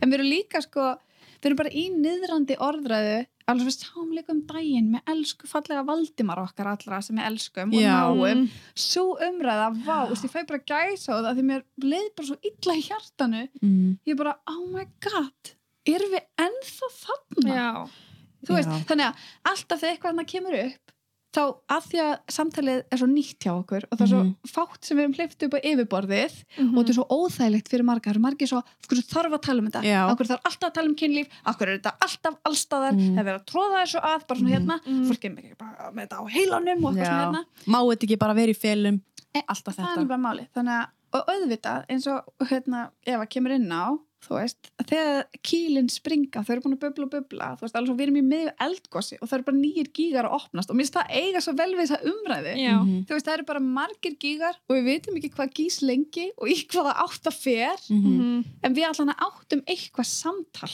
já, það er við fórum af stað Já. og svo er líka erfitt og ég finn það fólki fyrir miklu vombrið með mig ok, Mm. massíft lof ég er ekki að segja bara Og þykir mjög vænta og þurfti mjög á því að halda í gær var ég pínu buguð Úst, ég Já. fann bara mér bara ókslega ég var langt niðri, ég var bara með illt fyrir hjartanu og það er svo ég fyndi hvað fólk var reykt út í mig og Mhm. sárt út í mig og ég fekk þau skilabóð líka og þetta deilir mér ekkert öll sem að af því það er ekki sens, það er ekki Mhm. hægt og hérna, og fólk var bara eitthvað mér fannst þú svona þú veist, ég hafði trú á þér og svo Mhm. ertu svona Mhm. bara var fyrir svo miklu vombriðum og var svo sárt Mhm. það er sárt og maður er svona ægi, en þú þarft að skoða þig þarna Mhm. akkur varst þú búin að ákveða eitthvað um mig og hvað þýðir það ef ennum mannskja veldu þér vombriðu hvaða vonir og væntingar Já. settur á hana Mhm. þú veist þannig að þetta er alltaf þessi speill og þessi orðræða og eins og, og eins og bara þetta með ég veit að fólk finnst þetta hljóma svo útópist að mæta fólki með hérna, virðingu og kærleika Mhm. En eða bara pælið í þessu sérstaklega þegar maður verið fóreldri þegar maður hérna er að hlusta á börnin sín segja frá ómerkilegustu hlutum í heimi sem maður Mhm. hefur engan áhuga á en maður veit að skipta þau ógislega miklu máli Mhm. maður er bara, ha, í alvörinu ok, segð mér meira frá því. Og hvernig leið þér þá, æ, hvað það var leitt að heyra. Ok, og svo bara er það mál búið, skilur Mhm. við við erum bara að breyta svo miklu í samskiptum að því við viljum sjá og mæta fólki. En Mhm. þarna verðum við líka að gera það ó ég er að fara að gráta. Sæta. Nei, þú veist að því að bara við eigum það inni. Og Mhm. þegar við förum svona sjálf þá allt í einu eru fóreldrar okkar fara í vörn. Hvert að segja, ég stóð milla hvert að segja, ég hef ekki komið vel. Og að því að maður bara, herra, ég var bara ekkert að tala um þig. Þú gerir bara eins vel og þú gast. Ég ætla bara að gera betur. Mhm. Mhm. og það er ekki speil á þig það er bara speil á mig. Ég er minni vegferð og ég ætla að gera það vel. Þannig að fyrir alla þá sem er að segja þér á að líða illa með þig hvað erum við að segja? af hverju? Mhm. við erum ekki að tala um að meiða annað fólk. Við erum ekki að tala um að fara út með eitthvað illvelja að taka eitthvað niður. Af hverju ættu að vilja taka aðra mannesku niður? Mhm. af hverju heyrum við ekki bara? Heyrum bara upplöfunna hvað þarftu frá mér, hvernig get ég veitt þér það? Og hvernig get ég verið stuðningur við þig? Allt, nei, bara í allt, allt fólki allt fólki sem er í ofbeldi samfættum allt þetta fólk, Mhm. það þarf bara eirað okkar. Það þarf ekki að fá þú ættir að gera svona eða já, þú getur sjálf verið um kent eða þú, það þarf bara væntum þykju, umhyggju og bara, ég ætla að lusta þig ég ætla að til staðar og ég ætla að skapa öryggi. Og það er það sem okkur vantar. Og þegar ég fer inn í þetta og fer að tala um öryggi í kynlífi það game changer hjá flestum konum. Mhm. það segir bara hvað er öryggi í kynlífi? Og ha, að ég megi njóta kynlífs og tala um það og, og þá líka, ef við tökum þetta svolítið í gagkinuðu samingi þá koma kallmenni líka. Hvernig, hvernig getur hjálpa mér að skapa þetta öryggi? Því ég hef aldrei fengið tækifæri til þess samtals. Mhm. Mhm. mig langar að búa þetta til, mig langar að mæta þeim. En hver ætlar að tala við mig þarna? Og tala við mig ekki eins og ég sé ykkur graður hálfviti. Já, sem er alltaf að runga sér við klámi. Skilju, hver ætlar að mæta mér og sjá mig og skilja líka margbreytileikan minn? Þú veist þannig að eins og þessu umræði hefur svo ógæðslega kynjuð. Já, klálega sko. Ég, hérna, já þannig ég, ég, ég veit ekki hvernig að fólk fer í eitthvað svona þessi einfeldningslegt að tala um þetta af kærleika og virðingu af því að það verður bara að vera leiðaljósa okkar já, ég er svo sammálað þar sko Mhm. en það virðist ekki vera þannig nei, og það er bara ástæð að setjast niður með sjálfum sér Mhm. af hverju er ég í dómarsætinu? af hverju er ég svona reið? akkur er misbyður mér svona Mhm. þú veist, hvaðan kemur það og ég finn oft, ég fer oft í dómarasæti og, og það kemur sjálfur mér alltaf mikið óvart ég er bara, ert þessi típa sig mm. hvað er að frétta og bara hvað í helvitinu Mhm. er óunnið þarna, Mm skilur mig? Og Af það hverju upplif maður svona tilfinningar? Já, og akkur er ég, akkur er ég allt í henni fyrir vörn Já. Þú veist bara, wow, hei, hvaðan kom það? Mhm. þú veist, allt í henni er ég bara ert þú sérst að segja? Bara, nei, ég sagði það aldrei, nei. Mhm. ég hugsaði það samt. Og þú vilt segja það. Og hann skemmt bara hvað nei, nei, bara alls ekki sko. Algjörlega Úf maður er bara eftir sér mér finnst einmitt bara svo mér finnst svo ég átti eiginlega bara smá svona erfitt eftir þetta allt saman þessa umræðu þegar ég sá bara hvað fólk hefur það er allt til að hafa skoðanir og ég bara verði all, öllum alla skoðanir. En öll þessi svona reyði og neikvæðni og fordómar og ein, þú veist, fólk að senda manni skilaboð og, og einmitt fólk að senda ósk og ynga og alla þá bara þú átt ekki að vera svona og þú veist, þetta er ógislegt og ekki vera að hvetja aðra til þess að gera þetta og, allt þetta að bara svona á ekki, ég get einhvern veginn ekki svona sett það saman inn í hausinu á mér hvernig það er að vera einhver staðar, þú ert bara baki skjáin og þú ert bara að taka einhverja mannesku fyrir og gjör sann að rífa hana í þig Mhm. og ég, í nafni þess að bjarga henni já, til þess að passa hina Mhm. eða einhvern sem þú ert að reyna að þú veist, að segja einhverjum að gera ekki eitthvað sem þau er að gera og Og vilja gera. Og vilja koma ofinberlega fram til þess að opna sína sögu. Og einhvern veginn, það sem þetta er það, þú veist, þetta er oft í sjónvarpum, þetta er í myndum þetta er allstaðar, það sem er verið að sína frá þessu, en þegar einstaklingur kemur fram sjálfur og segir ég er að gera þetta, Mhm. að þá einhvern veginn er það ekki í lagi. Nei, ég meina, ok, ég ætla bara, ég ætla bara að fara til að aftur sína hvernig við seimum mm. elsku Bjarni Ben mm. fjármálar á þær er vor Mhm. var gjössamlega tekin niður fyrir að hafa verið inn á einhverju svingsíðu Mm ok, með konunni sinni, mann ekki eins og hvað síðan hétt Mhm. Og mikið hugsa ég að þau sé þakklátt fyrir. Já, ok, vel gert ég að minnast þetta mál aftur, sorry með það en hérna, ég kom sem ekki á fjárlögum þannig að þetta er alltaf læskili en hérna, en muniði, hvað, þú veist, þetta var í áramótasköpunni þegar voru tekin niður í rask Já. og þá bara segðu að þér þú veist bara úr ríkistjórn af hverju? Og veit að ég fengi bara og núna um helginni, ég fengi tilkynningar frá pörum þar sem er búið að hóta tilkynnaði til badnavendanemdar af því að það fréttist að þau eða það var kæfta sem að þau svinguðu eða það var hérna eða þau væri með OnlyFans síðu. Og fólk hefur verið tilkynnt til badnavendanemdar, fullorðið fólk sem eru fóreldrar fyrir að vera með þessa síðu. Af því Mhm. þeir eru örugglega ekki hæfir fóreldrar -hmm. hvað erum við að segja þér? fólk hefur reikið og vinnu Já, fyrir að vera með OnlyFans, já, emmitt bara Hvað- nýlega bara, og, Mhm. og hvað erum við að segja þérna? Ertu þá líka að skoða hvað fólk er virkir í aðtúðasöndum og hvað eru að segja í Facebook statusum Einmitt. og hvaða síður þau læka og veist, hversu, hversu langt gengur þetta? Mhm. og yfir hverja veist, Já, hvar, yfir hverja það er einhvern veginn, já og hvar, og hvar, hvar, eru reglunar? Hvar eru þessar reglur? Þið vil langar bara ókslega að vita það. mm væri líka mjög til ég að vita það sko. og hvaða fyrirtæki ætlar að setja þetta út? Af Því við erum líka með lögum ákveðna mismunina mm -hmm. sem að eiga að venda okkur Mhm. og við erum að geta sótt svona til saka skilur mig, þannig ég fæ bara eitthvað svona sjáu eitthvað umræðan hún er svo flókin, mm. þú veist en þessi reyði, þú veist, sittu með það og jú, fólk má hafa skoðanir en það þarf ekki að tjá þær ef þú ert að fara að spýta reyði sem bytnar á öðrum mm -hmm. skilur mig, ef þú ætlar að láta reyðin en að beinast að öðrum, veist, andaðu inn og út og verður svo bara, ok hver er staðan? Eins og við fórum í gegnum aðan flæðiriti Mm -hmm. ég óttast út af mögulega.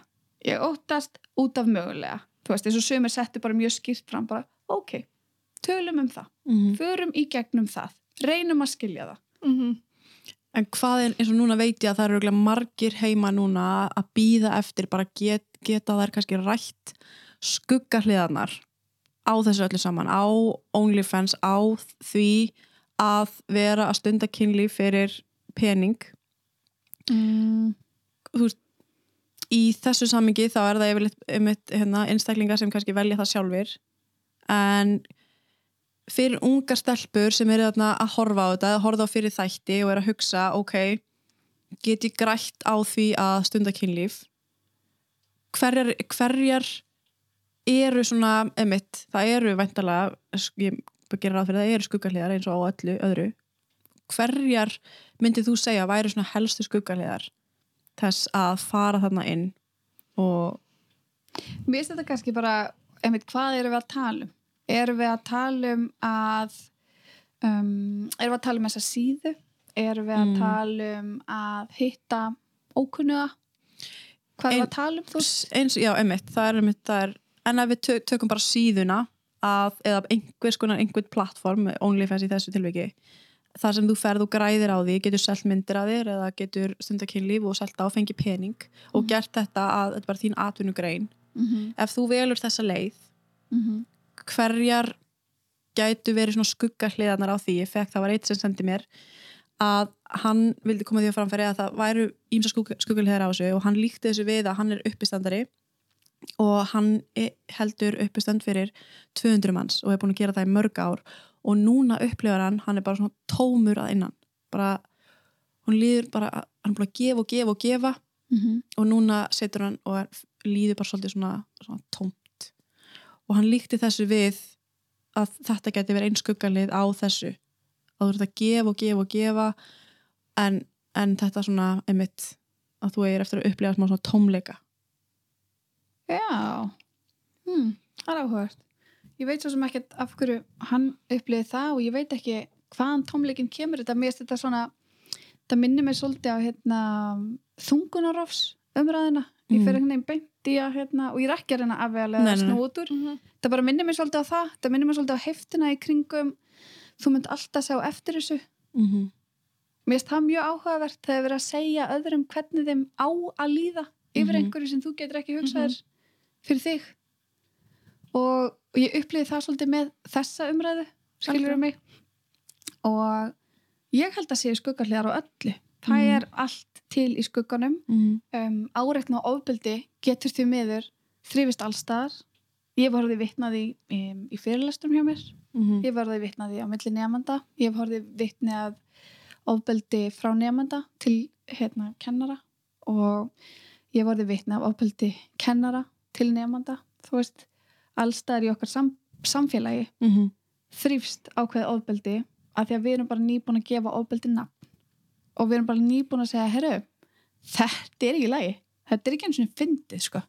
Bara því við erum að tala um grínustan Mhm. um, og, og við erum nýkomin líka undan umræðu um cancel culture Mm þar sem við erum að kalla fólk til ábyrðar og við erum að segja, heyrðu, orð hafa ábyrð þú mátt ekki segja hvað sem er sem er, mér líka vera umræðan sem við erum í Mhm. með þetta, þú veist hver verður cancelled innan að ég heyrði líka því, þú verður cancelled. Ég bara eitthvað, ok, áhugavert. Mm. hmm, skoðum það. Þannig að skuggalegar, það held ég að sé svolítið misjamt eftir einstaklingunum, hvað er skilgræna sem skuggalegar -hmm. og hvernig þau upplifa það skilur mig? Um, og ég held að allan að það var norsk rannsókn, þannig að grafa hana upp en það var norsk rannsókn á meðalans kynlífsvinnu á kallmönnum í kynlífsvinnu sem, að, sem er svolítið sér, eða þú veist það er svolítið öðruvísi Mhm. heldur en hérna nema hvaða niðurstöðna þar voru að það sem allir þeim mestu tráma var skömm samfélagsins og jáðarsetningin að þurfa að passa að þetta kæmist ekki upp út af hvernig var litið á vinnuna þeirra Mm -hmm. þannig að hérna, með skuggahliðarnar þá velti ég því fyrir mér þegar við erum að láta þetta hanga yfir fólki þetta muni, alltaf, þetta muni hefta framtíða, framtíðina þeirra um, þeim eigi að líða þessu og þau eigi að skammast sín. Mhm. það finnst mér svakaleg skuggahlið. Mm. Bara svakaleg. Og öll áreitni ég hef verið áreitt um, ég var með hérna, einmitt uppistand og var ólétt. Og það var maður sem áreitti mig bara mjög gróflega bara nýri bæ. Og, og ég var ólétt og ég var bara var orðin pínu hrætt og þurfti að fá einhvern í lið með mér að ég var eina að lappa í bílinn minn og, og, hérna, og hann bara stendur yfir mér og hann bara mjög drökkin og hann frekar aggressífur og vildi bara eitthvað snerta með kúluna og vildi bara tala eins og bara aðeins að tala, ég bara kem með þér út ég ætla bara aðeins að tala við þig. Og svona fann að haldi handlik, handlikin á mér og eitthvað svona.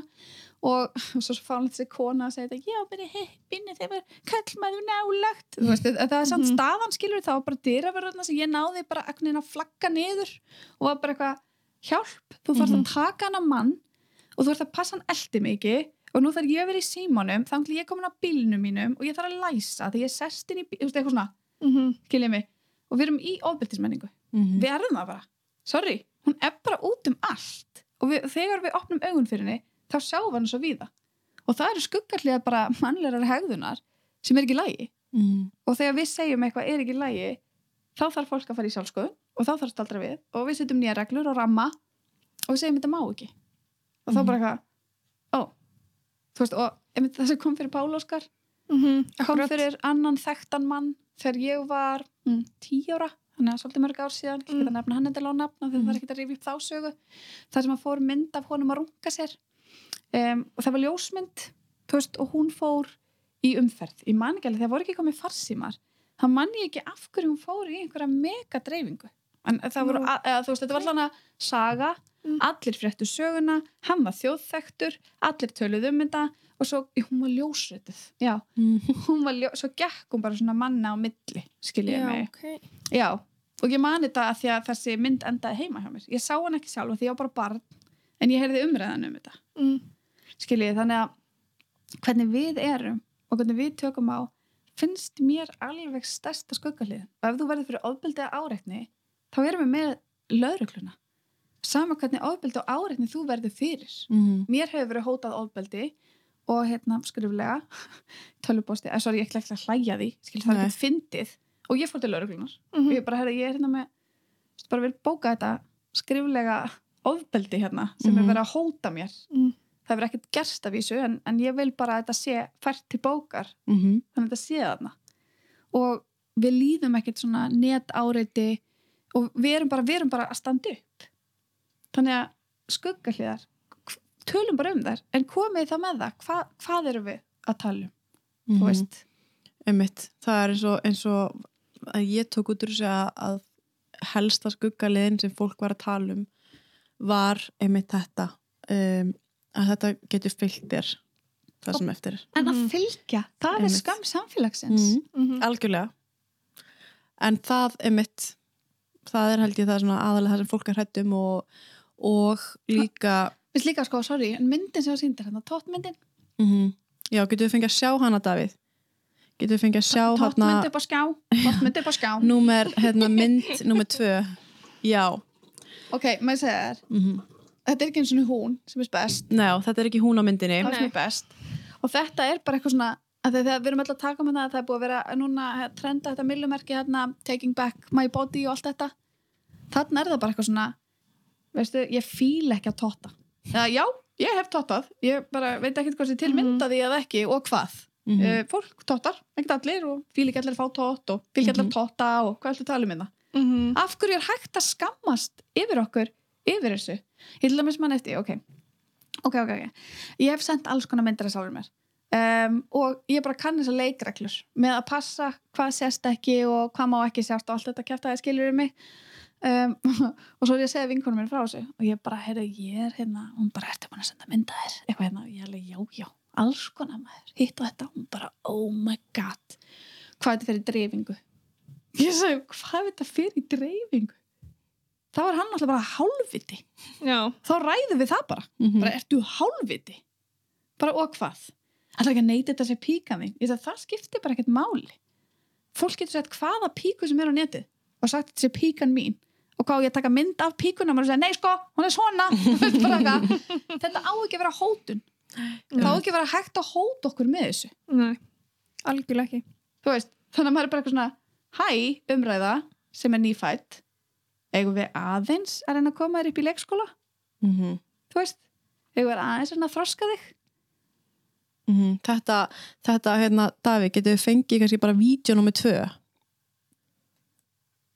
það sem Helga sér hún, já, hún sendir þetta inn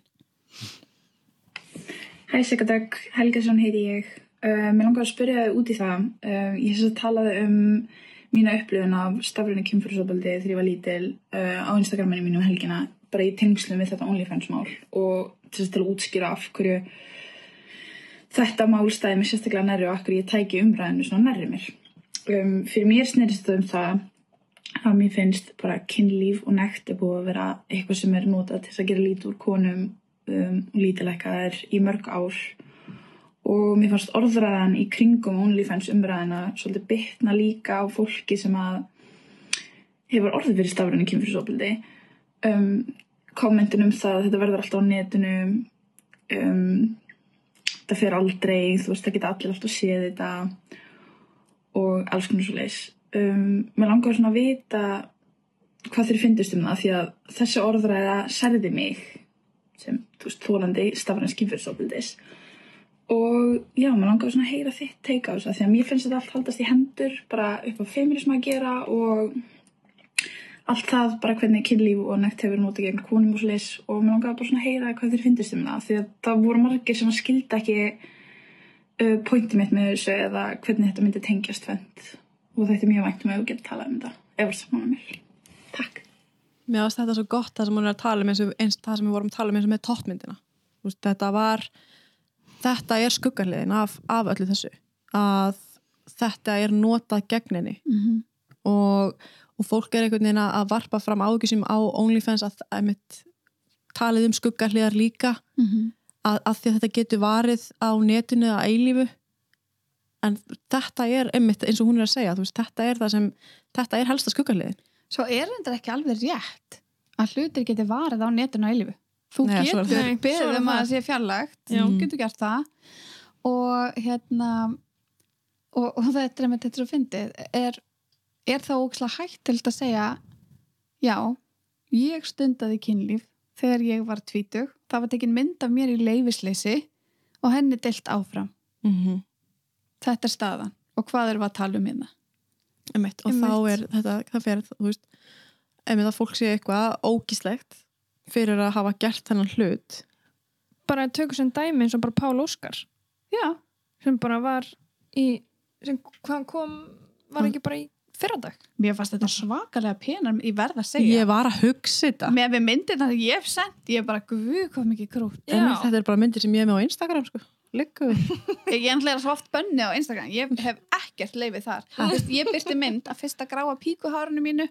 Ég lendi í vikubanni sko. er svo fyndi að fá grátt píkuhár. Þetta var eitthvað svo, hversu gömul er ég skiluru, og þú sást ekki svona alveg en bara gráa hárið skiluru, og þú sást það svona óljósum brúsk og svo bara langt grátt hár skiluru, það var eina og ég bara, þú veist, það vildi svo vel til ég útskýri hvað hár þetta var og það bara, búm, vikubann Vikubann, punishment. ok. Ég veit Já, það. var bara straff það var ekkert djók, ég bara ok en þannig mitt Pál Óskar tók þetta einmitt bara og ónaði þetta þú veist, og -hmm. það er líka Það- sem við erum að já. sjá að gerast um allan heim Mhm. þegar einhver ætlar að hóta þér með ofbeldi eða þú veist, ég hóta ég ætla að gera, veist, hótunin er vandamáli það Mhm. er ofbeldishæðunin og líka að láta eitthvað hanga yfir fólki ég læti alltaf að vita að þú hafi gert þetta og verið svona, ef við værim ekki fordæmyndi um hegðunina, þá væri þetta ekki svona mikið vandamál Einmitt, og það er það sem gerist fyrir hana, Helgurisinu, að hún var lögð í einelti mjög lengi fyrir þetta. mm -hmm. Og hún réði ekkert að þessi, að þessi mynd fór í dreifingu.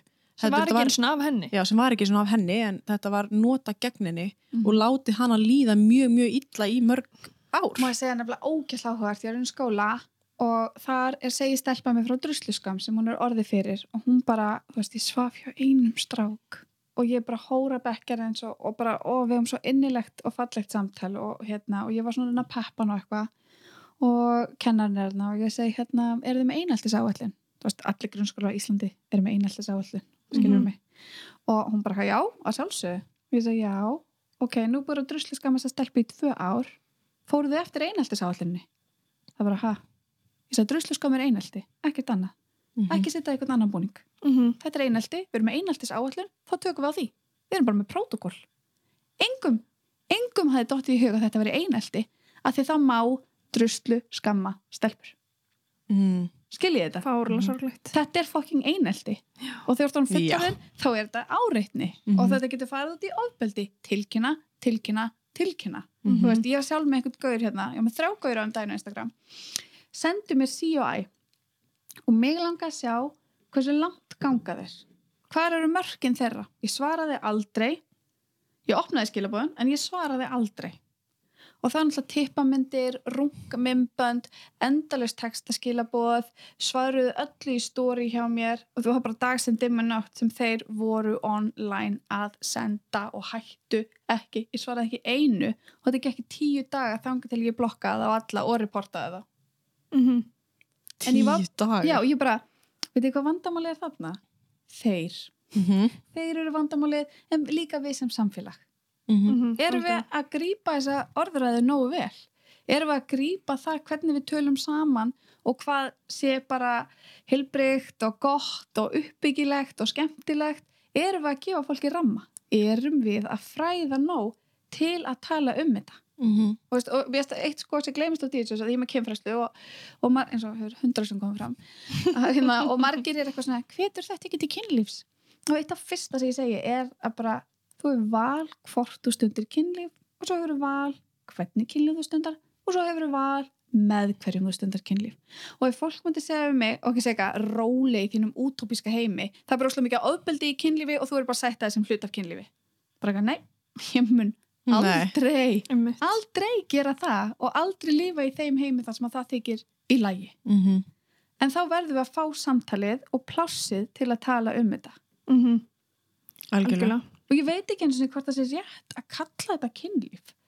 Það að vera að vinna með kynfærin á sér, á kynfærin, vinna með kynfærin á sér, þarna eins og inn á þessar síðu, þetta fólk sem vinnur þarna, skilgrinni það þetta sem kynlíf. Er þetta kynlífi þeirra hugaði, er þetta bara vinna, nakin vinna með kynfærin sín sem að einhverjum öðrum kann að þykja kynfærslega örfandi, kann að þykja skemmtilegt, en er þetta þeirra skilgrinning á kynlífi?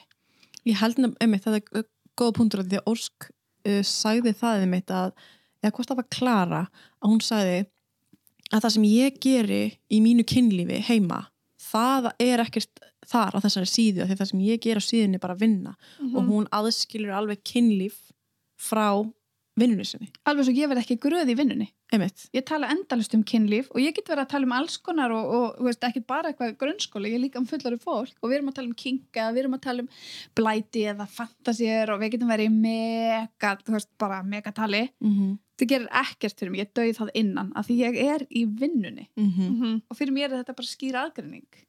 Og kynlíf er allt annað í mínum huga ef ég er að nota kynlíf til að tengja við aðra mannesku þá er það lítur það allt öðrum lögmálum Mhm. Jú, það getur verið mjög sáðalegt og suppulegt og það er ekkert bara eitthvað bleik skí og rósir skilji en þó það getur verið það líka mhm.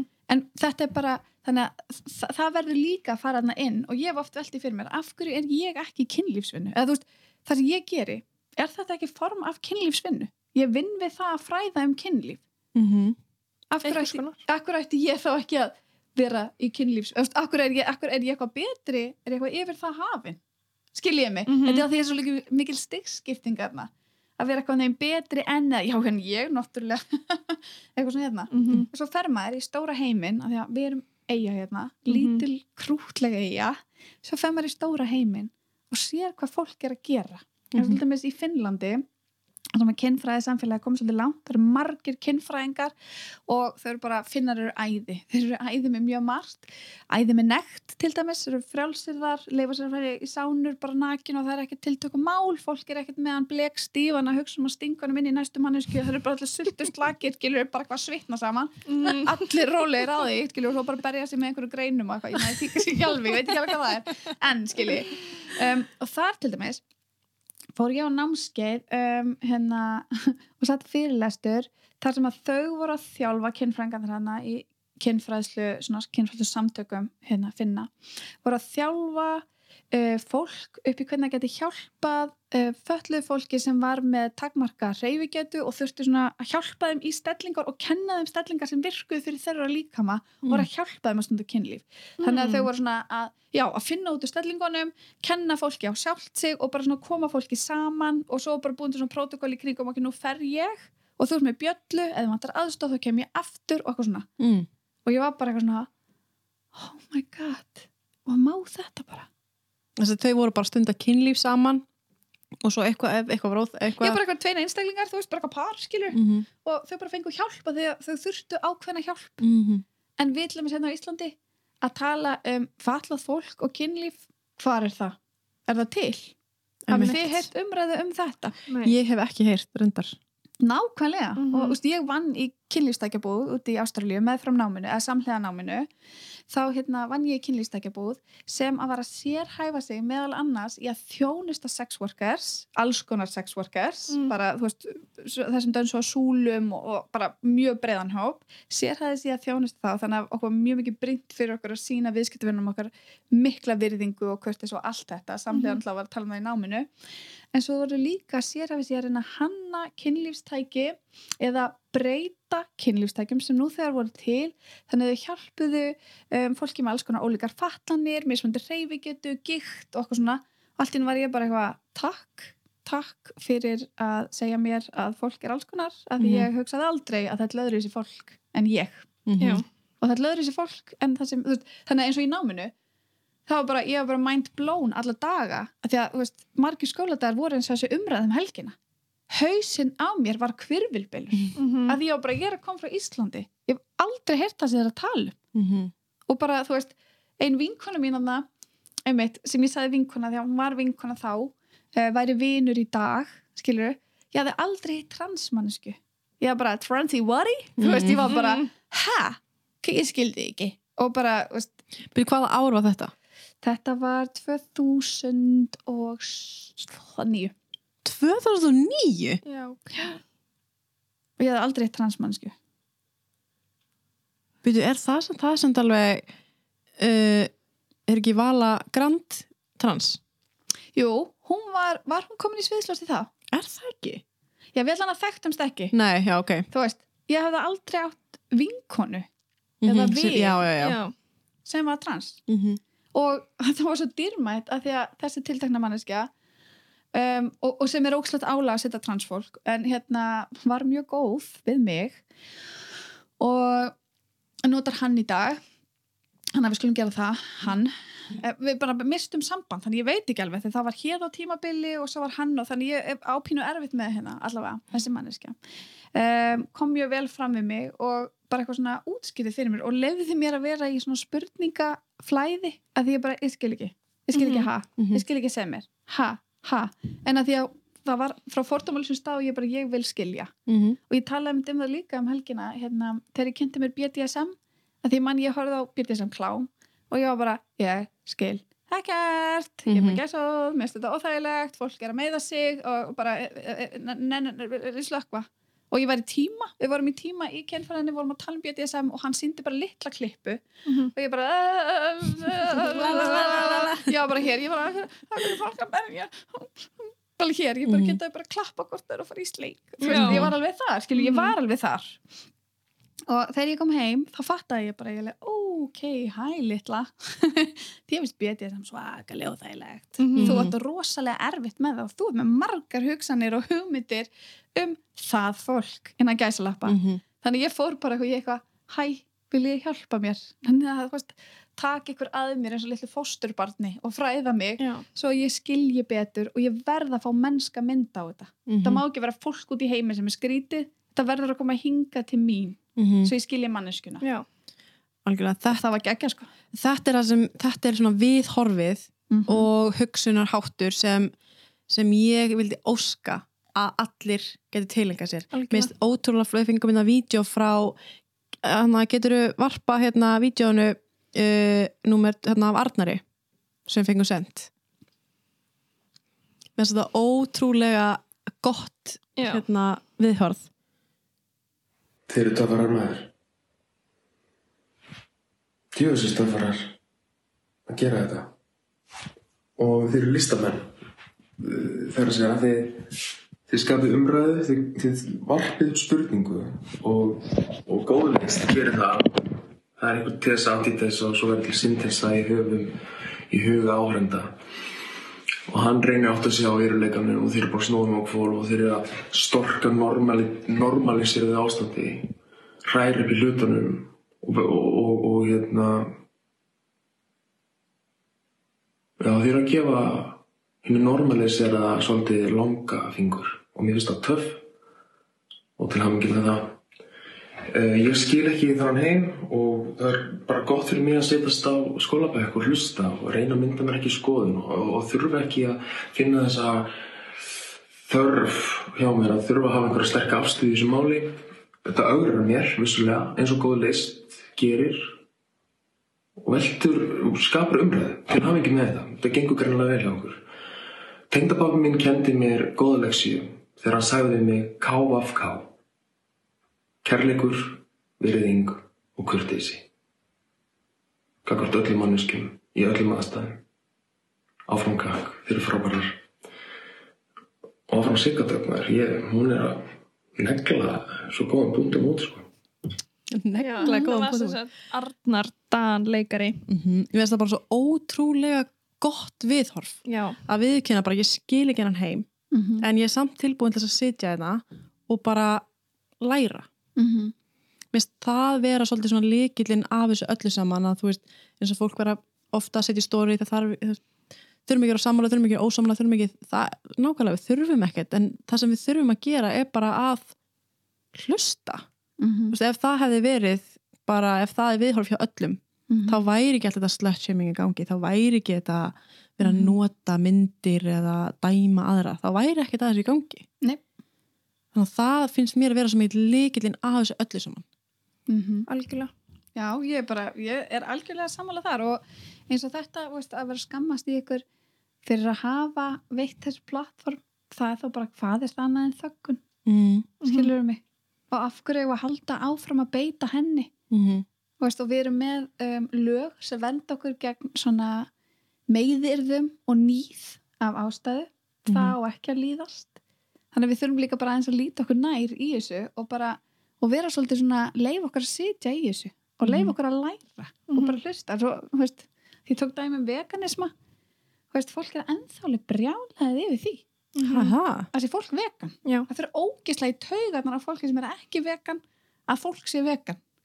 Þú veist, ég, ég, get ekki, ekki útskipt hversu oft ég spurða þessu ertu svona vegan? Og það er alveg hér skilur og maður er eitthvað sko, ég meira svona græmmetismein í lífinu. Og þá þannig maður eiginlega að segja maður sem eitthvað svona ofnæmi fyrir próteini sem er í kjöti eitthvað skilur, það er eitthvað svona að annars verður fólk bara maður er eitthvað, akkur hefur skoðun veganisma? Er það ennþá í gangi? samt? Er það? Já, já, það Mér er finnst ekkert eins og bara vegan fólk sé að taka yfir bara, mér finnst eins og allir sé bara hér ekkert já, það er að komast ánga, sko ég myndi að segja, með tímanum þá eru, en þú veist, Ég ætla að Greta Thunberg væri bara búin að negla þetta sko. Nei, Það er ekki svo. það er ekki svo. Það er ekki svo. Það er langt í land. Það er bara, Já, það er langt í land, já. við erum ennþá, okkur, við rökkum ennþá við þegar við heyrum orðið píka. Það er Já. bara, við erum Mhm. alveg þar, sko.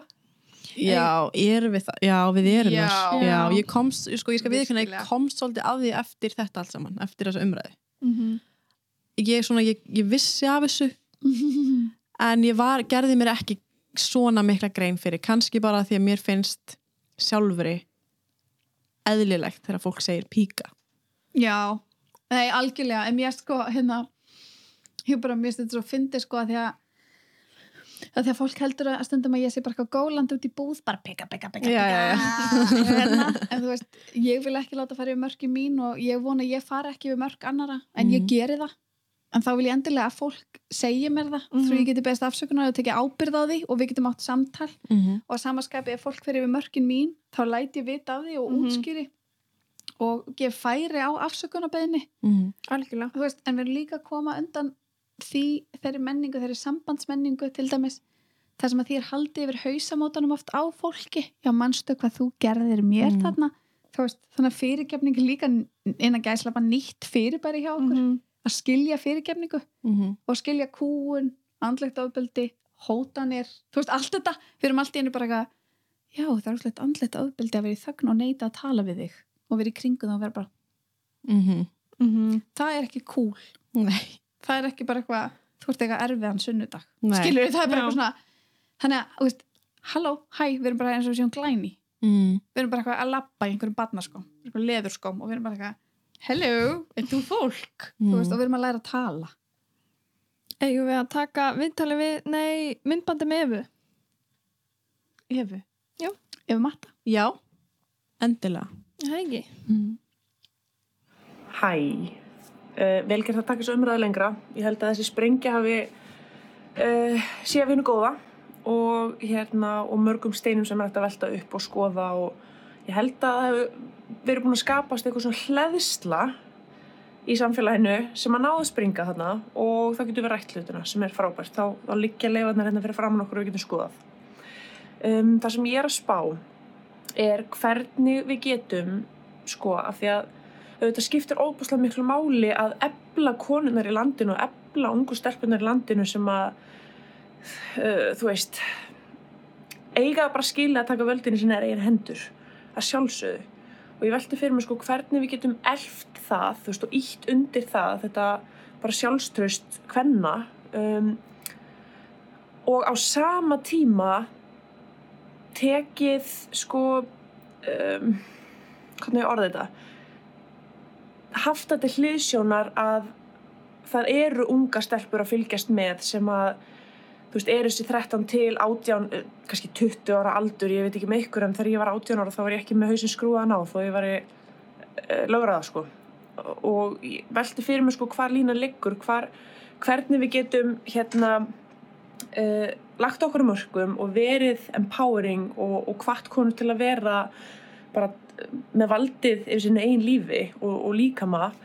Um, og haft sko hitt líka jafn mikilvægt að, að hérna vera fyrirmyndir í því að þú veist það eru unga stelpur að horfa og hvernig við tölum um þessa hluti þegar að þessi hópur eru að fylgjast með.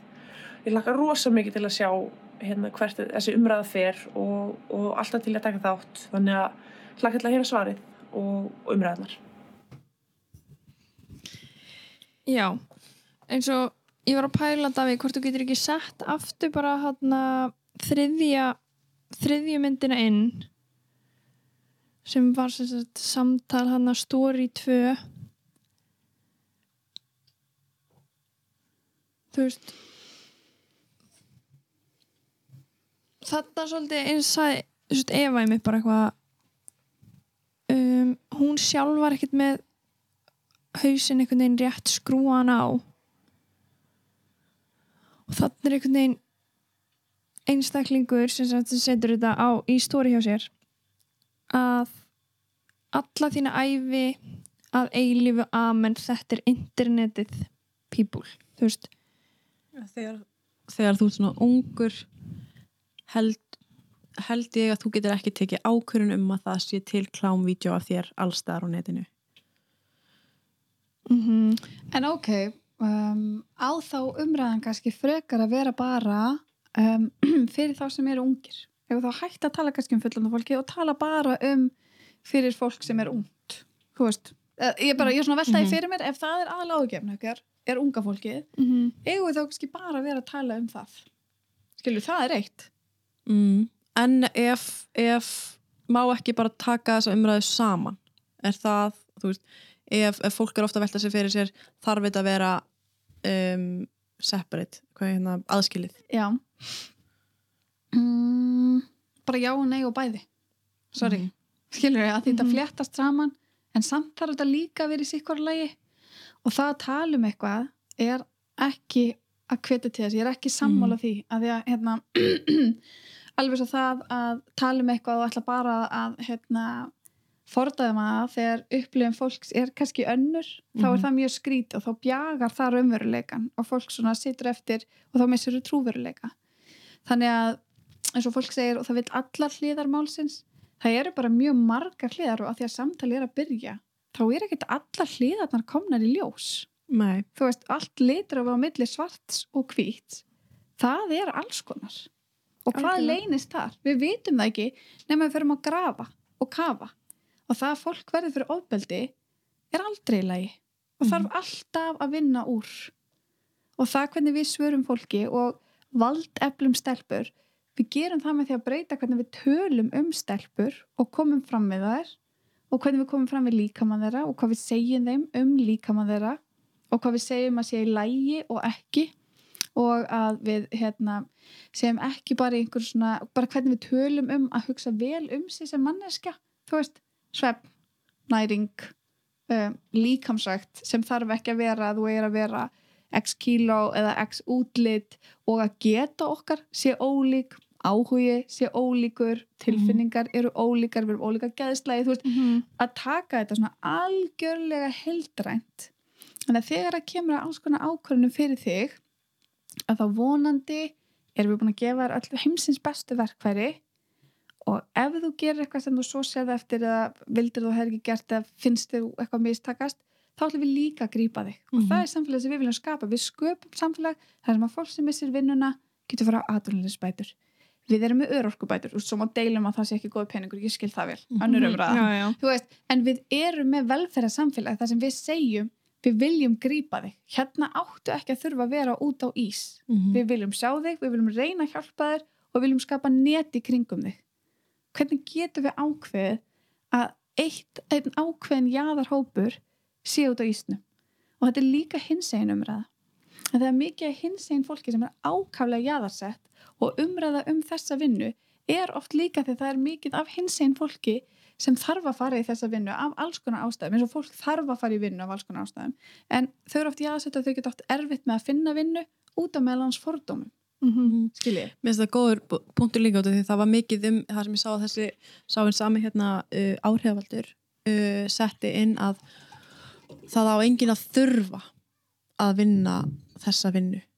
en við Svo- þurfum öll að vinna. Akkur maður þetta ekki verið að vinna eins og hver önnur? Já, uh, Davíð, getur aðeins varpa myndin aftur upp? það er ég bara svolítið ósamála Já. Um, og þar og mér finnst líka góður hérna bara svona sitt spurningamerki við einmitt, einmitt þetta að fólk segir hérna um, að það er, fem, það er feministi uh, og er ekki vænt um feminisma og er ekki vænt um konur og vænt um fólk. Um, en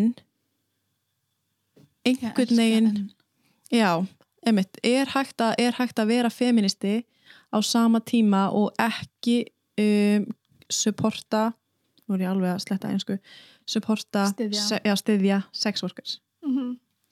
Um, þetta er bara stórt debatt þetta er bara stórt Mm. ágreiningsmál af því að feminism er ekki bara eitt Einmitt. þannig að þetta er ógeðslega stórt ágreiningsmál í feminisma um, um hinn vestran heim ég ætla ekki að segja um allan heim Mhm. ég ætla að segja um hinn hérna, vestrana heim. Þannig að hérna, það er ekkert eitt svar þar sko. Sumir segja nei, sumir segja ef þú ert feministi þá stiður þú ákvarðanir allra kvenna. Mm -hmm. og hérna vinna og vinna neyð og neyð hvað erum við líka að tala um þar skiljið mig? Og svo það sem ég fekk líka sendt var mannsal, þá erum við aftur það er ofbeldi, við erum komin í allt annað þar veist, Mhm. Er það ekki Um, sama með einmitt, vændiskonur, uh, vændi, um, meina, hvað, ef við bara verðum, hvað er vændi? Er það bara að selja líkamassinn fyrir pening? Er ég er reynda alltaf ósamalega að selja líkama sem þú átt ennþá hana líkama Já. þú getur enginn keft líka, þú, Nei. getur ekki selt úr þér líffæri Nei. þú getur selt ekki þitt, þú getur Mm. það um, þú getur ekki selt blóðið maður fær ekki gefins, nei, maður fær ekki í bor borga fyrir blóðgjöf, ég held að það sé Nei. gjöf bara köku já, kleinur Nice. og gong. já, einmitt. Hérna, þannig að þetta er líka áhugavert þetta Mm. orðalag Mm. að selja það þýðir að þú átt þetta ekki lengur Já, eða ég sá að við nota að selja aðgang að líkama þínum. sem að mjög margir gera eins og við nefndum á hann með alls konar vinnur Já. þegar þú Einmitt. notar líkamann þinn í Mhm. vinnu Mm -hmm. þá selur þú vissulega þá ef þú vilt hugsa þetta þannig Mm og um, ef þú ert til dæmis að setja alls konar myndir til að segjum og setja áhrifavaldur og þú setur inn léttklæta myndir að þú veist að það er vinsælt og það hjálpa þér að fá Mhm. sponsorship deal hvað þurftu þá að gera? -hmm. Er það eitthvað frábriðið þessu? Emitt, það má alveg setja spurningum ekki þar á milli. algjörlega og líka hún segir hérna vegna þess að það, eru bara, það er bara staðreind að stigamót hafi líka sagt það og komið fram og tala um þessa síður að afleðingar af konum í klámiðinanum og í vændi er þar sömu fyrir konum sem hafa orðið fyrir kemferðslu og ofbeldi. Um, uh, ok. Hafi ekki bara konum þar orðið fyrir ofbeldi? Er það ekki bara niðurst Jú, það er klálega niðurstaðan. Mhm. Það er urðu fyrir ofbeldi. og hvað, má þá ekki tala um það því að þær voru í þessum bransa? Getur það ekki orðið fyrir ofbeldi? Og má ekki tala um ofbeldi þeirra? Að því að þarna finnst mér verið að segja einmitt það verið að segja afleð, afleðingar þannig verið að segja að því að líka umræðan um þetta er oft að þú ferð út í hennan bransa sem afleðing af ofbeldi Mm -hmm. Mhm. þar er ofbeldið vandamálið, Mhm. skilur mig og svo er verið að segja, uh, þú varðst fyrir ofbeldi í þessum bransa ok, þannig er þetta bæði eða er þetta annarkvort eða hversu, hversu margslungið er þetta? Að því svo ertu líka með stúdíur þarna á móti sem er að segja þetta er bara ekki alveg svona. Það eru ekki allir sem starfa í kynlífsiðnaðinum. Og þá erum við ekki að tala um hamingisum hóruna. Þú veist, ég fekk það sent oft, bara hamingisama hórun. Við gerum svakalega kröfur á konur. Mm -hmm. annarkost eru það vendiskonur og sem hafa orðið fyrir ofbeldi eða þær eru hamingjusamar hórur sem með ekki hafa lendin einu og með ekki kvartundan einu og ekki bara elska allt sem þær gera og vera hoppandi kátar með það. Mm -hmm. það er ekkert á milli, það er ekkert grátt skilji, og það er líka til að mynda rannsóknir á því að það er bara rosalega fjölbreyttur heimur fólks í kynlífsvinnu. Og kynlífsvinna er ótrúlega fjölbreytt. Og það er ekki hægt að bera saman upplifun allra að því einhver sem til dæmis kemur úr mannsali sá reynsluheimur er allt, allt annar en ef þú ert bara forréttinda hvít sem stopnar OnlyFans síðu og fara að setja þinn eigin verð með þannig að við getum ekki borðið þetta saman og þannig að við getum ekki sett þetta saman sem eitt reynsluheim mm -hmm. og ef við ætlum að kasta 15 mann saman í rannsók og skoða upplifanir Jésús hvað við möttum að fá ólíkt mm -hmm. og svo gleymist það ekki að það hafa svo margir orði fyrir ofbeldi og við tökum alls konar ákvarðinir í lífin okkar en við ættum alltaf að miða að því að hjálpa fólki að takast á við ofbeldi. Bæði hvað getur við til að koma í veg fyrir ofbeldi og hvernig getur við hjálpa fólki að takast á við ofbeldið. Mm -hmm. skilju, það átti alltaf að vera fókusin okkar. Bara ok, er svona ógeðslega mikið ofbeldi? Er svona mikill vanlíðan? Vá, hvað eru við að gera með sálfræðinga og geðlækninga og geðlækna og, og hvernig eru við að hlúa þessu börnum og hvað er fræðslan og hvað er fólaldrar að gera og hvað er maður að vakandi fyrir og da, da, da, þú veist allt þetta. Mm -hmm. og hvernig getur við þessu fólaldrar að hjálpa okkur og heilað okkur og þú veist þannig að mér finnst þetta það að fólk glými við alls konar afleðingar af alls konar hlutum tölum um það og tökum á því mm -hmm. en er veist, ofbeldið fyrir ekkert ef þetta er tekið í burtu um skilur við, mm -hmm. mér mest eitthvað svona einföldun Já. að segja það bara ef þetta væri ekki þá væri ekki þetta ofbeldi mm -hmm. nei, nei, nei, nei, nei. Meit það sama ás að það er konur eiga ekki að þurfa þetta svo var líka punktur í, í podcastan þættinum hjá okkur þar sem við vorum að segja að um, er ekki betra að fólk fari sjálfveilitt inn á OnlyFans og, og taki stjórn á líkamann sínum og, og selja efni sitt? Hafa mikið samt í staðin fyrir að fara uh, út á götu og reyna að græða með því að sofa hjá kannski Uh, einhverjum köllum sem þær þekkja ekki? Um, og þá var punkturinn sko, þú átt ekki að þurfa kvorugt og við viljum kvorugt og átt ekki að þurfa þess og það að velja millir þess er ekki uh, svona hvað, realistik eða svona Já, að þetta hefur eitthvað óraun hefur samanbörður mm -hmm. Já, að því að kvorugt er bara, þú átt ekki að þurfa kvorugt að þú sér betri en það. Já, en heyrir um moralisman mm -hmm. betur en þá átti ekki að þurfa. Og maður er að nota gáfuna sínar í staðin það var svona það sem var sett á neti ég myndi reynda að segja að það krefist mjög miklar gáfur því að samkefnan er ansi hörð. Þannig að ef þú nærða að græða á þessu þá ertu með eitthvað á milli erðnana skilur og ansi fínan heila ef þið takst að græða það sem að veist, þetta er ekki djókarna, það er ekkit ein síða OnlyFans skilur þú því harður í samkefni og það að hérna að þú náður að fá fólk til að fylgja þér eitthvað lítur að vera að gera rétt skilur mig, og öll notum við heilan okkar og við notum hann á ólíkan hátt þannig að mér finnst að vera líka að gera lítið úr vitsmunu fólks Vissulega. sem ég er ekki til í.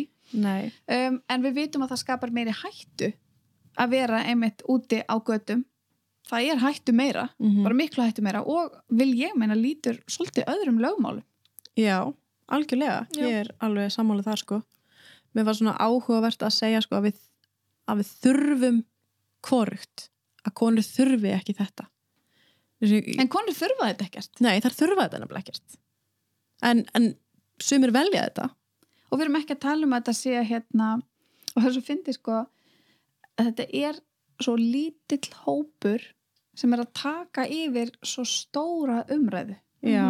Og við erum að segja þú ert síðri mm -hmm. fyrir að vera að gera þetta. Og það er svo margir í felum út af þessu það er svo óbáslega margir í felum út af það að vera að segja við þau.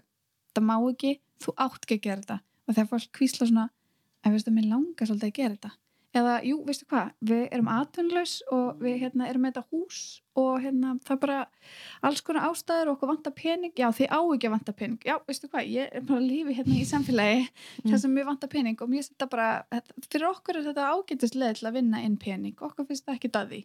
Mm -hmm. en samfélagið er að segja okkur að það má ekki. Mm -hmm.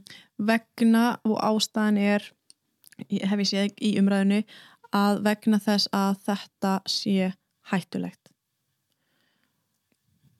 Hættulegt.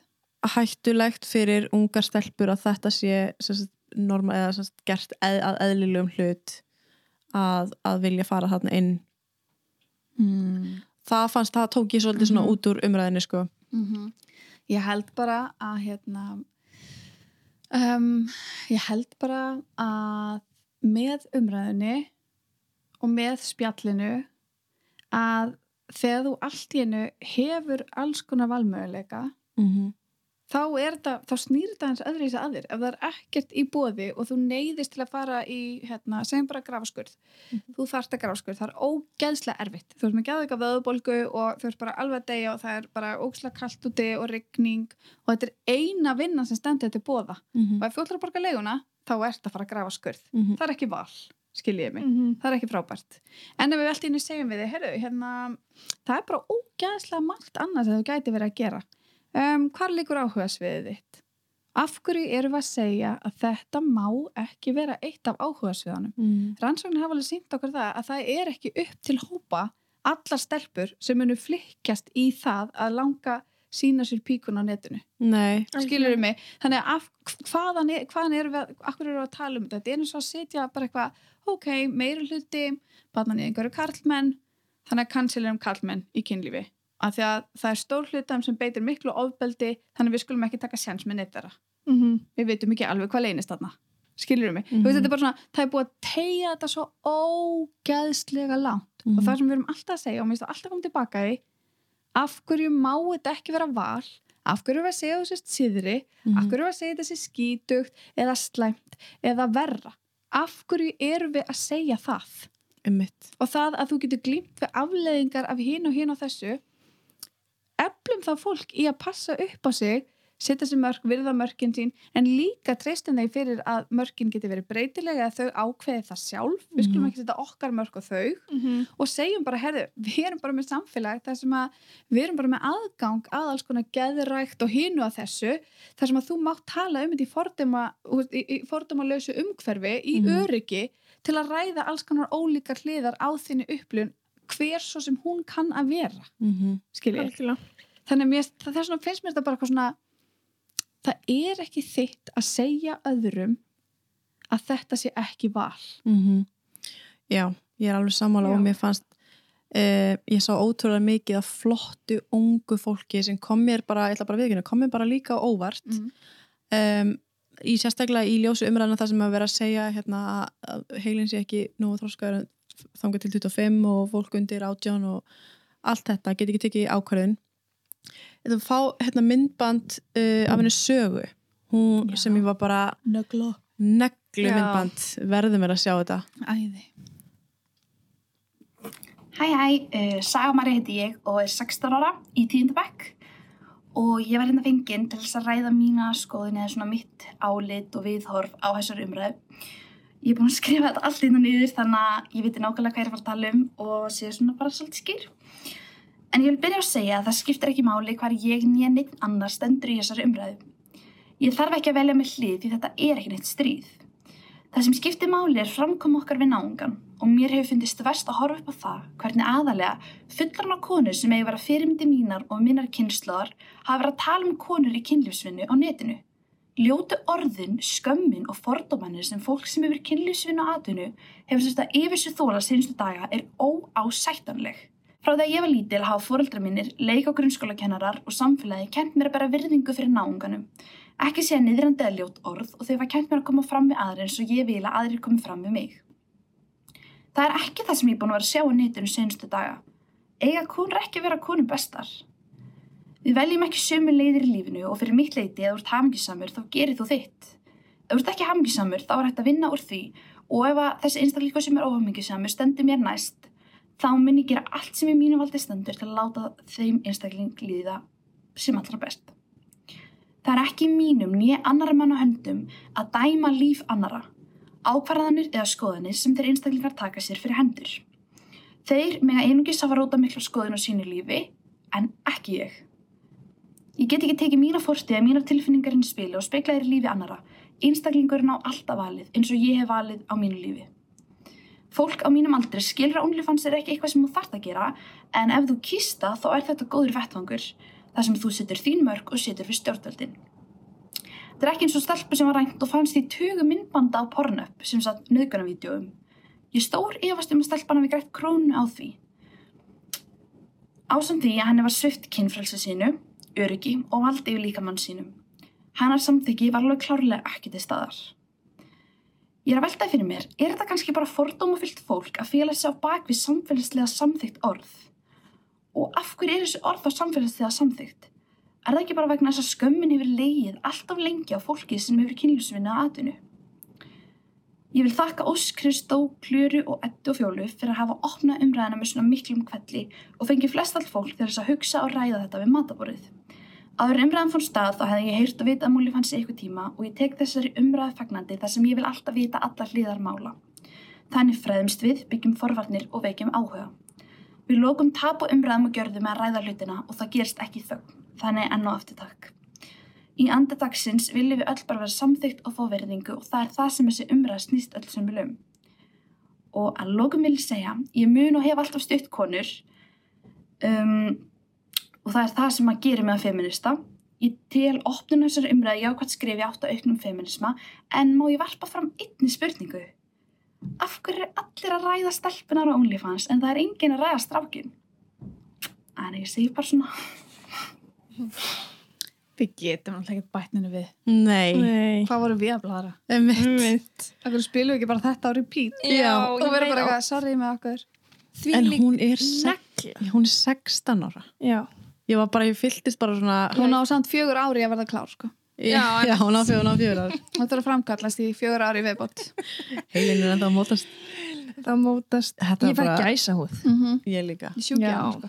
Mm Ég bara vil meira. Er? Og veist það, alveg, mín reynsla er svo nefndur í grunnskólum mm -hmm. er svo miklu snillingar og ég ber oft svo mikla von fyrir framtíðinni að því ég bara þið eru svo með þetta. Þið eru svo ógeðslega miklu klárari heldur en ég var á ykkar aldri. Ég var hálfviti. Þið eru drullu klár og þið eru lesin og þið veitir hvað er í fréttum og þið veitir eitthvað um heimsmál. Mm ég veist ekki sem hvað var að gerast í næstu götu. Nei, eða skilur mig, ég var bara eitthvað, það snertir ekki mig og minn vinahópa kemur ekki, þú veist, alveg nema Mhm. maður pínu ógeð. Já, ég skil, ef ég skil þegar fólk segir þú veist, þegar ég hugsa tilbaka þegar ég var átján ég bara, Guð hjálpi mér. Og ég skil þegar fólk segir, heldur einhvern veginn og, og bara svona, Guð, ég var alveg bara ekki með hausinn á réttum stað en þetta er svo, þetta er ekki ná maður, það er ekki allir eins, það er ekki allir eins og, eins og ég var, eða hvernig þú veist, hinn að þessi var Nei. Ég var bara með húinu hérna, bara á fótballavellinum og ég skil, en ég skil áhyggjurnar og ég skil Já, þegar maður, eins og þú tala með badni, maður vilt ekki að badni eitt upplið eitthvað sem, sem Mhm. maður upplið sjálfur Mm -hmm. og maður vill ekki að unga kynsluðin taki rángar ákvarðanir og allt það En, En- hva, en svo er það okkar já, og það er alltaf tókst þetta, eldri og yngri hvað eru Mm. rángar ákvæmd? já, svo er það Mhm. hvað er rángar ákvarðanir Og allir verða eiga afturkvæmt í samfélagið okkar mm. algjörlega. allir eiga rétt á veist, umræðinni um fyrirgefningu mm það má líka ekki, það, maður verður líka að læra að veist, þetta unga fólk er ekki, það er ekki allir sem eru ungir bara einhverjir vittlisingar Svo maður má ekki taka þetta af ungu fólki að þið geta tekið ákvörðin sjálf og þið geta líka frætt sér sjálf Já og bara, meina, þau eru með, endalist af miðlum og þau eru að fylgja alls konar fólki mm. og þau eru bara eitthvað, já, ok, ég myndi ég var að pæla í þessu og meina, sko, það reynir virkilega ámann í fyrirlestrum í Mhm. grunnskólum að því þau spurja að öllum anskotan og Mhm. ég er bara eitthvað svona, hvað þetta eitthvað þetta? Að það var TikTok-vídeó og svo þetta og þetta og ég las þetta og þetta var netinu og maður bara, wow, djúlega þetta er flott og því hafi rödd, Mhm. það er ógeðslega dýrmætt Mhm. ef að við hlustum ekki á þessa rödd og ef við svörum þeim ekki Mm já, þá kannski taka þau ákvarðanir sem eru alls konar og erfiðar að því þau vissi ekki betur -hmm. en núna erum við bara að taka spjalli Já. og við erum bara eitthvað, hei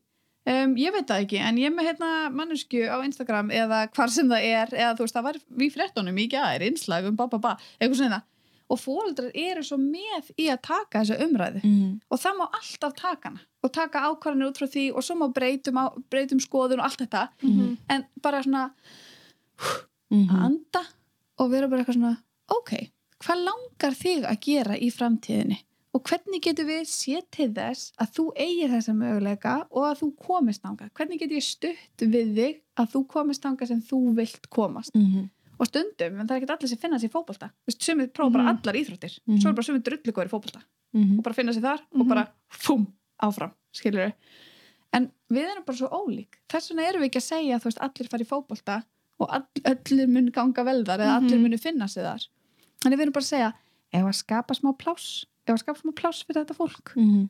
og hérna, og setja það ekkert á jæðarinn og þykja bara alltaf væntu þau og tala við það virðingu og muna hvernig er búið að tala um konur og við konur og hvað er búið að ákveða fyrir okkur í rosalega langa tíma getum við aðeins að rifja upp hvað stutt sem við fengum kostningarétt að þetta var sagt við okkur við vorum vittlasar, við höfum ekki þroskaðan heila við höfum minni heila hvað stutt sem var sagt við okkur að við gætum ekki unnið sem störfa því við höfum ekki líkamlegan kraft í það Mhm. að við gætum ekki unnið sem störfa því við vorum ekki náðu gáfar þetta er svo stutt svo Mhm. svakalega stutt síðan Mhm. svo ógæðslega stutt síðan þú veist Klálega. og við þurfum alltaf að hafa söguna að leðaljósi í þessu af því að nýja kynnslöðin hún gerir bara ógislega mikla kröfur á okkur Mhm.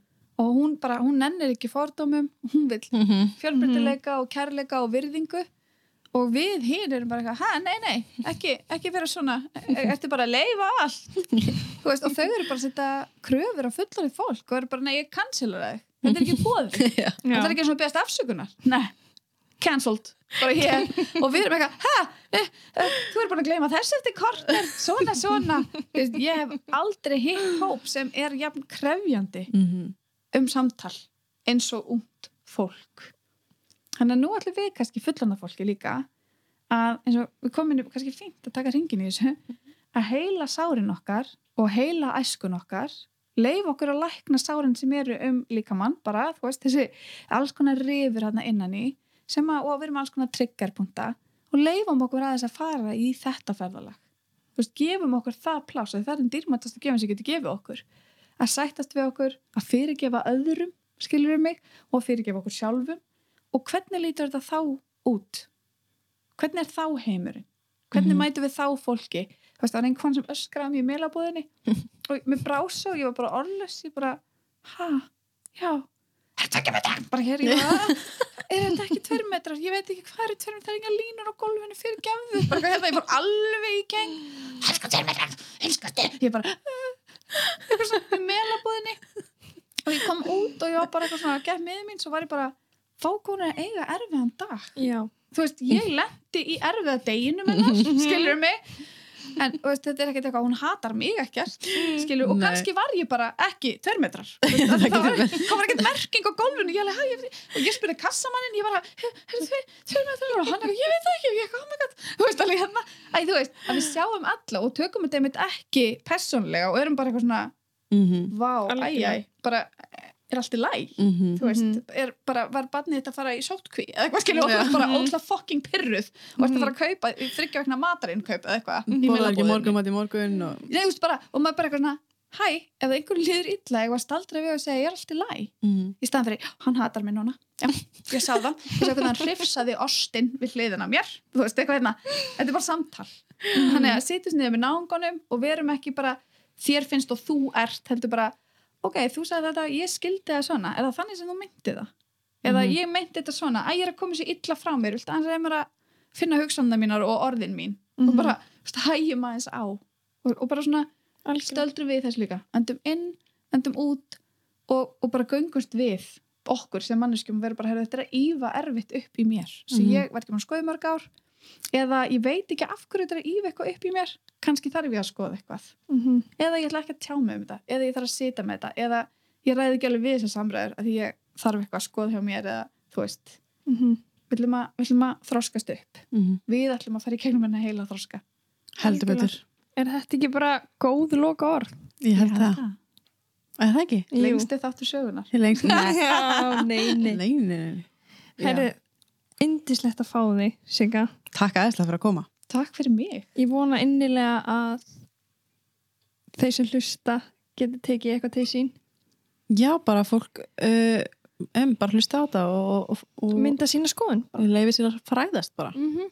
já, algjörlega og bara áframheldur samtalið og, Já. hérna, algjörlega, og vonandi leiðir okkur á og betra og umbyrlindar stað Já, algjörlega er saman það er ekki alltaf margmið mm. Klálega. takk fyrir að koma